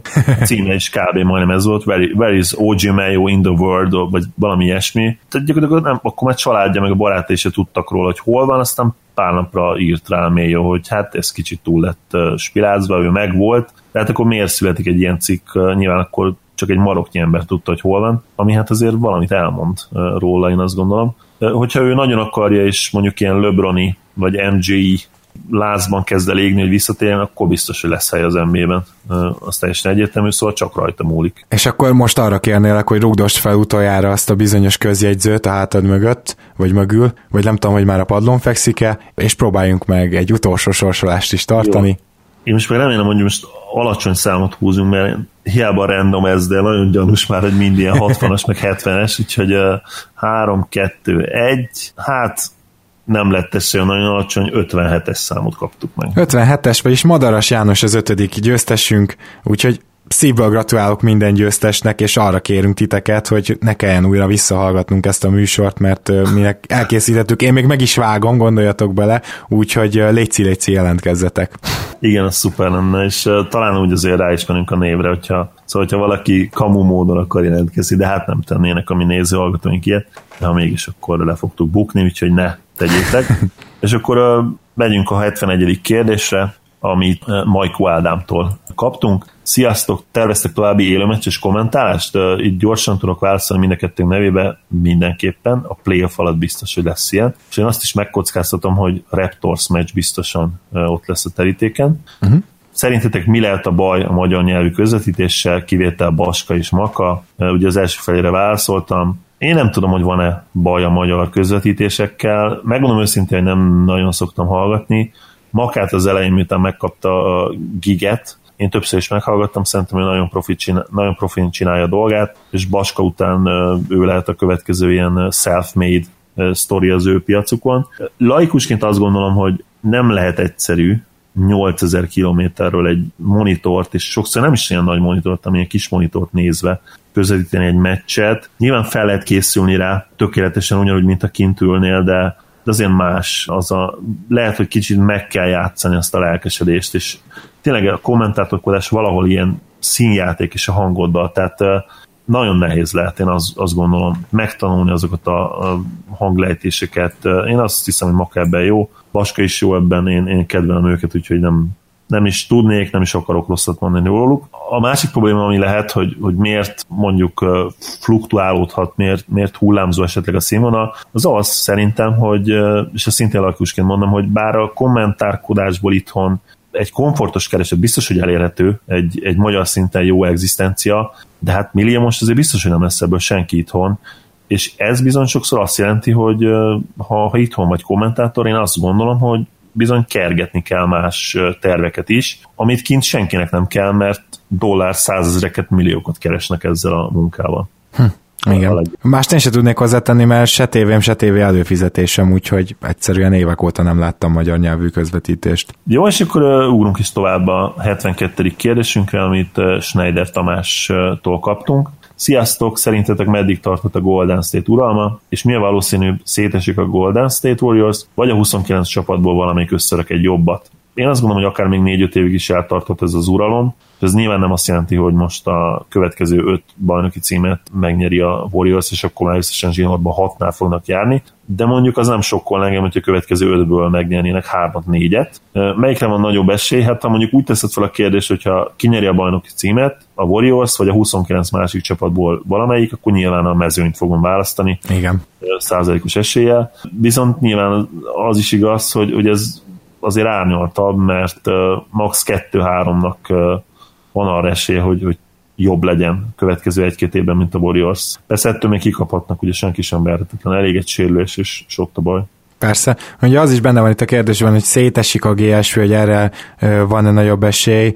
Igazából 2019 az nyilván nagyon durván döntő lesz, és én azt gondolom, hogy valahogy majd egybe akarják tartani ezt a bandát. Az lehet egy ilyen problémája majd hosszú távon, mondjuk például a következő öt évben is a Golden State-nek, hogy lassan eljuthatnak oda, hogy már nem tudnak, ha, csak nem húznak bele nagyon a rukikkal, akkor meg a első köröseikkel, második köröseikkel nem tudnak majd kit hozni és így is luxusadóba fognak úszni, úgyhogy e, ez lehet a legnagyobb akadály. Az NBA cap rendszer akadályozhatja meg azt, ezt a csapatot abba, hogy még öt évig folyamatosan minden évben esélyese legyen a bajnokságnak. 73. kérdésünket szinte bizonyosan görög származású nézőhallgatónktól, Szertaridis Alexisztól kaptuk, akitől meg is kérdezném, hogy jár-e még vissza az óhazába, ha neki az az óhaza egyáltalán, ugye simán elképzelhető, hogy itt született, itt nőtt fel. Ha, ha esetleg jársz haza, Alexis, igen, Alexis volt a keresztneved, akkor egyszer szívesen beszélgetnék veled arról, hogy, hogy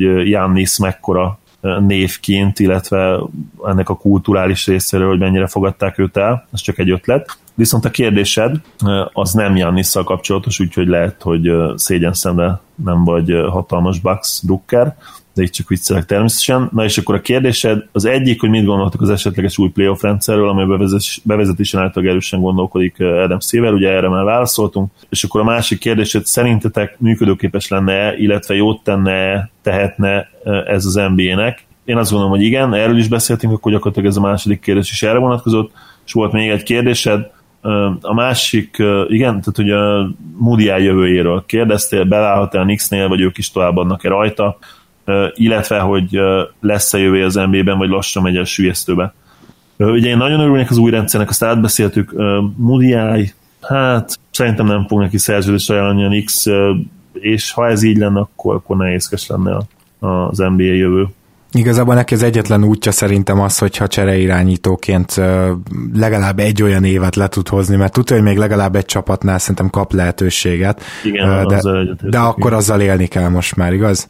Igen, és akkor itt kicsit revidiálom az álláspontomat. Egy csapatnál még fog kapni lehetőséget, de akkor ez ugye jövőre lesz, mert azt hiszem, hogy idén ugye lemondtak az ő hosszabbításáról, tehát most lehet, hogy ő akkor unrestricted free agent lesz. Hosszú szerződést nagy pénzzel nem fog kapni, ez egyértelmű, de, de valaki meg megpróbálkozik vele, mert fiatal és nagyon atletikus. A 74. kérdésünk akkor ugye egy másik győztesünktől, Zsedenyi Ádámtól érkezett, aki ugye lehet Zsédény is, lehet, hogy az ékezetek itt megtréfáltak minket, akkor elnézést még egyszer.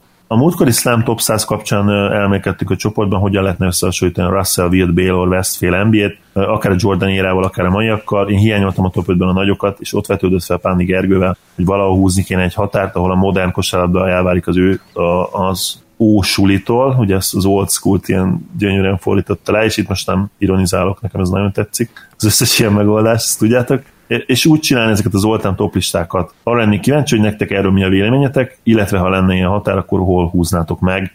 Én a Steel Block számolásától kb, de szerintem Wilt igenis top 5 bármilyen listán. Szerintem ezt túl gondolkodjuk ezt a kérdést. Én a, én a 76-os ABA, ABA, NBA mergertől számítanám. Nem csak azért, mert ez egy egyértelmű választó volna, hanem utána pár évvel draftolták le Magic-et és Birdöt, ami, amely kortól, évektől konkrétan nagyon sokan számolják az NBA új éráját, a modern érát. sokak szerint ennek Magic és Bird volt, a, volt a, az elhozója, hogy ilyen kifacsarra gondolkozok, úgyhogy szerintem nem kell túl gondolkodni a 76-os merger-től kell számítani. Illetve az is probléma, hogy minél inkább meghúzol egy határt, annál, annál inkább mondhatod azt, hogy aztán újabb határokat húz meg, hogy akkor a, a tripla bevezetése, a handcheck, meg a zóna, tehát hogy ezek mind-mind egyébként új időszakokat termeltek ki az NBA-ben, és újféle fajta játékosokat is. Tehát, hogyha nagyon fugacoskodunk most azon, hogy a régieket az újakkal nem hasonlítsuk össze, akkor én azt mondanám, hogy az ISO korszak játékosait se hasonlítsuk össze a mostani centerekkel mondjuk. Tehát, hogy tényleg nem szabad túl gondolkodni ezt. A százas listákat egyszerűen csak a helyén kell kezelni, nem ö, létezik az, hogy egészen pontosan a teljesség igényével, vagy ahogy én szoktam mondani, igénytelenségével ezt meg lehessen írni egy ilyen százas listát. Igen, és még annyit tennék hozzá röviden, hogy Wilt volt annyira jó, Wilt volt, Wilt volt oh. annyira jó, hogy őt igenis rárakjuk egy egy ilyen listára, és berakjuk a top 10-ben, mert ő különleges érákat áthidaló atléta volt.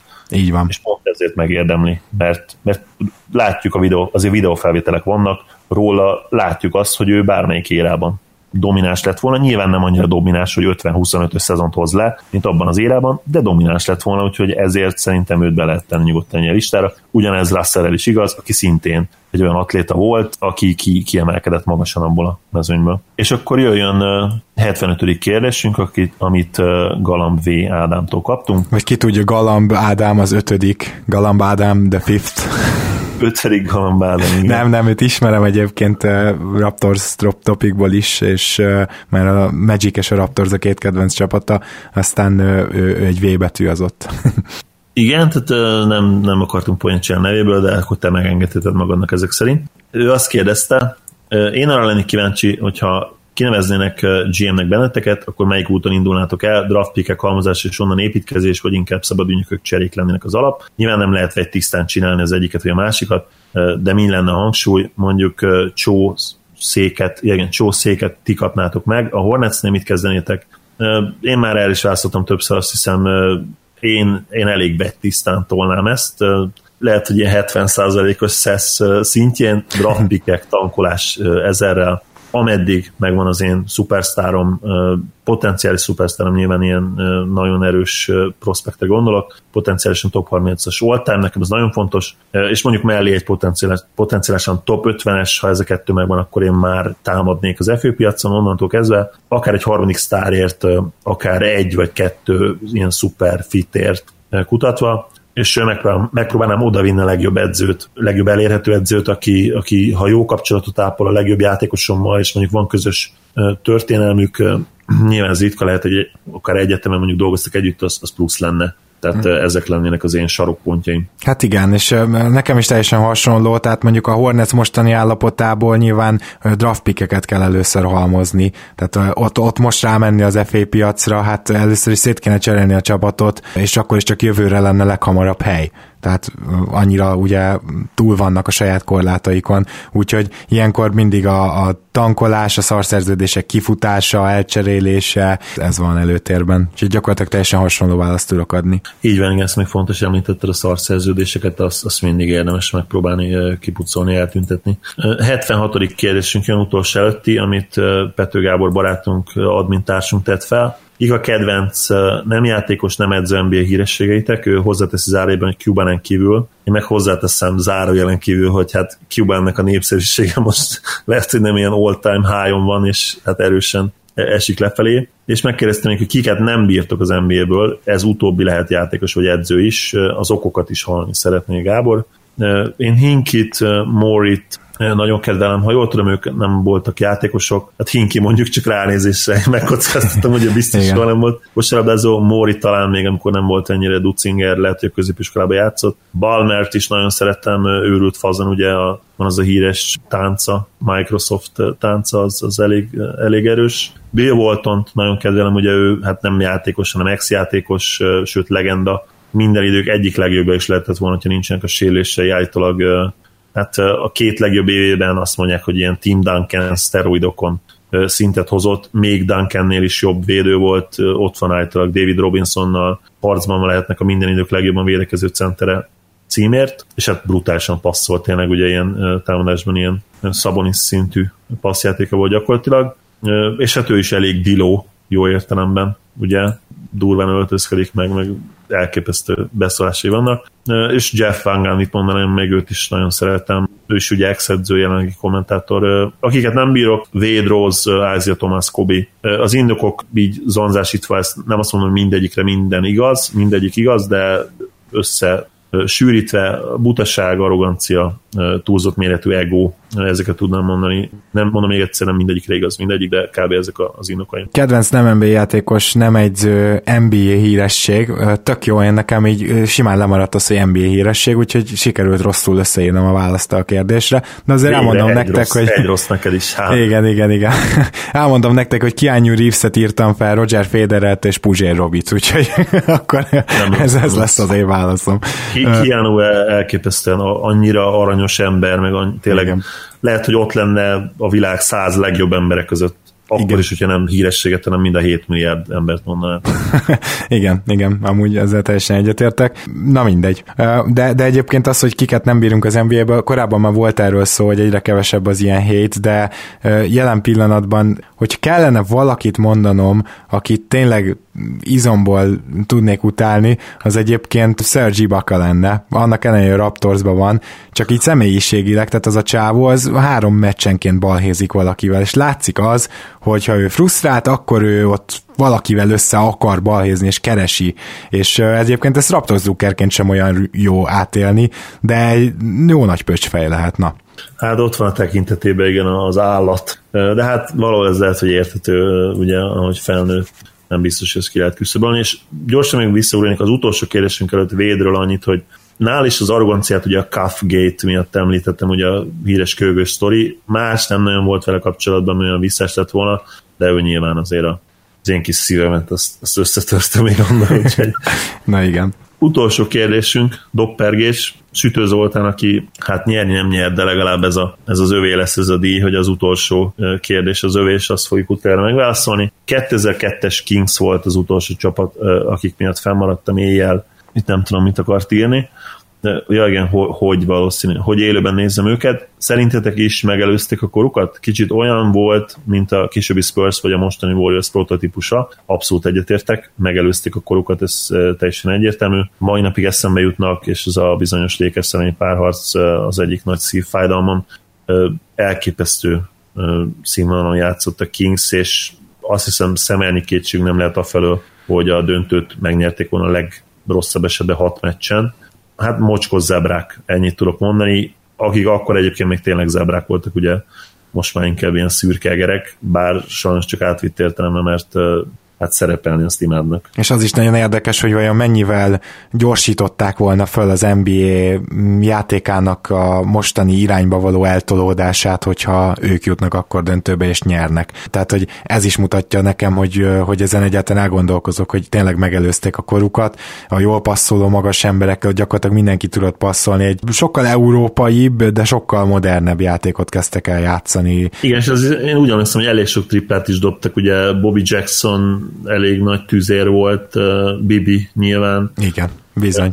Divac is, szerintem Divac is időnként kilépett, de lehet, hogy rosszul emlékszem. Azt tudom, hogy Brad Miller már Van akkor nélkül, is. Persze, az... persze. Hát én szerintem Webbernek is meg lett volna a tripla, csak ak- akkor még erre úgy nem volt szüksége. Meg hát ugye Stojakovicsot nem kell említeni, mint minden idők öt legjobb dobója közül az egyik, én azt gondolom, ezt meg. Hát gyerekek, azt nem kell mondanom, hogy melyik az a szám, amit be kell írnatok, hogyha végighallgattátok az adást, ez az 1-0-0, vagyis a századik adáson vagyunk túl. Nagyon szépen köszönjük, hogy velünk tartottatok, és reméljük, hogy a következő százon keresztül is velünk tartotok, és hogyha a következő százon keresztül a Stars.hu is velünk tart, akkor még sokszor halljátok azt is, hogy időről időre minket azzal támogattok, hogyha egy kicsit megnézegetitek a Stars.hu kínálatát is, illetve onnan vásároltok, akkor természetesen jelezzétek azt feléjük, hogy a Keleten-nyugaton podcastben hallottatok róluk. Kedveljetek kérlek minket Facebookon, hogyha még nem tettétek, Soundcloudon is lehet követni, és hogy majd lesz-e Twitter vagy nem, azt a következő adásokba bejelentjük, akkor majd ott is, és természetesen iTunes-on is megtaláltok. Zoli, záró gondolat? Nézőhallgatóinknak köszönjük nyilván ő nélkülük nem jöhetett volna létre. Hát mondjuk pár adás létrejöhetett volna nélkülük is, csak hamarabb hagytuk volna, és senki nem hallgatta volna a műsort, de azt mindenképpen köszönjük nekik, hogy, hogy a századik adást megérhettük, és hát nem gondolom azt, hogy terv lenne, hogy abba adjuk a közeljövőben. Nyilván meglátjuk, mit az az élet, soha nem lehet tudni. Tényleg nektek köszönöm. Srácok, lányok, nők, férfiak, és ugye most már lehet, hogy más nemet is meg kell említeni, tra- transgender is most viccen kívül. Ha van transgender hallgató, neki is köszönjük, hogy hallgat minket, és még mondjuk legalább 900-at. Így is van. Nagyon szépen köszönjük, hogy itt voltatok ma is, és hogy eddig is itt voltatok velünk. Sziasztok!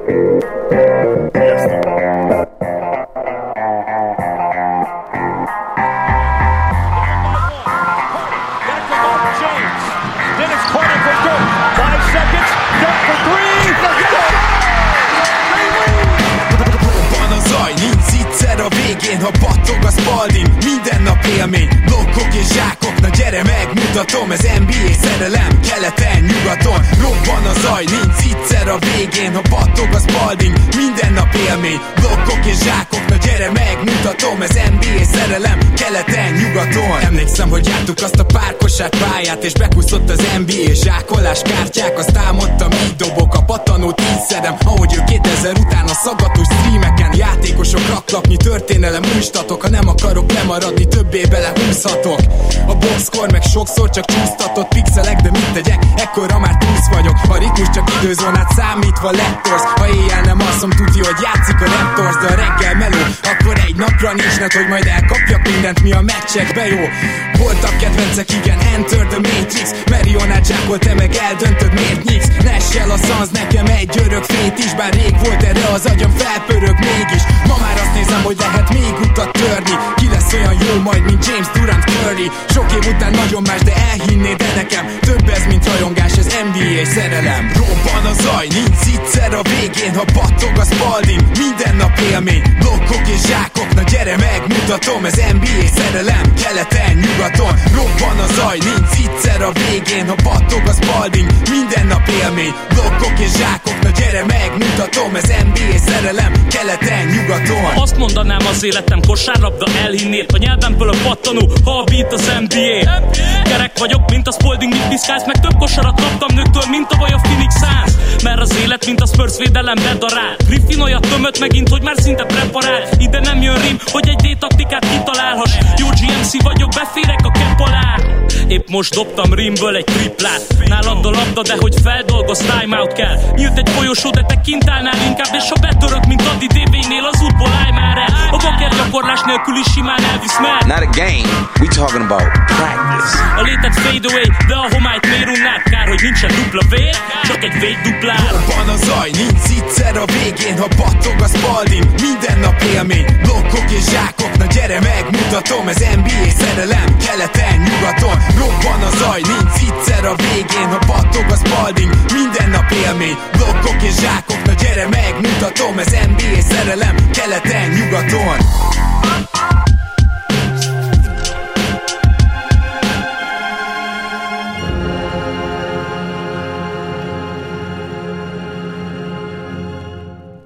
Ha más podcastekre is kíváncsi vagy, hallgassd meg a Béton műsor ajánlóját.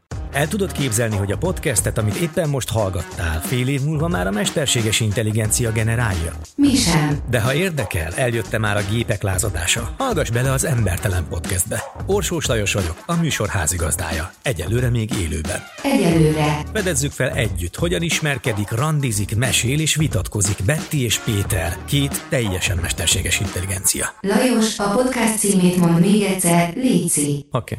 Okay. Embertelen podcast. Ez a műsor a Béton közösség tagja.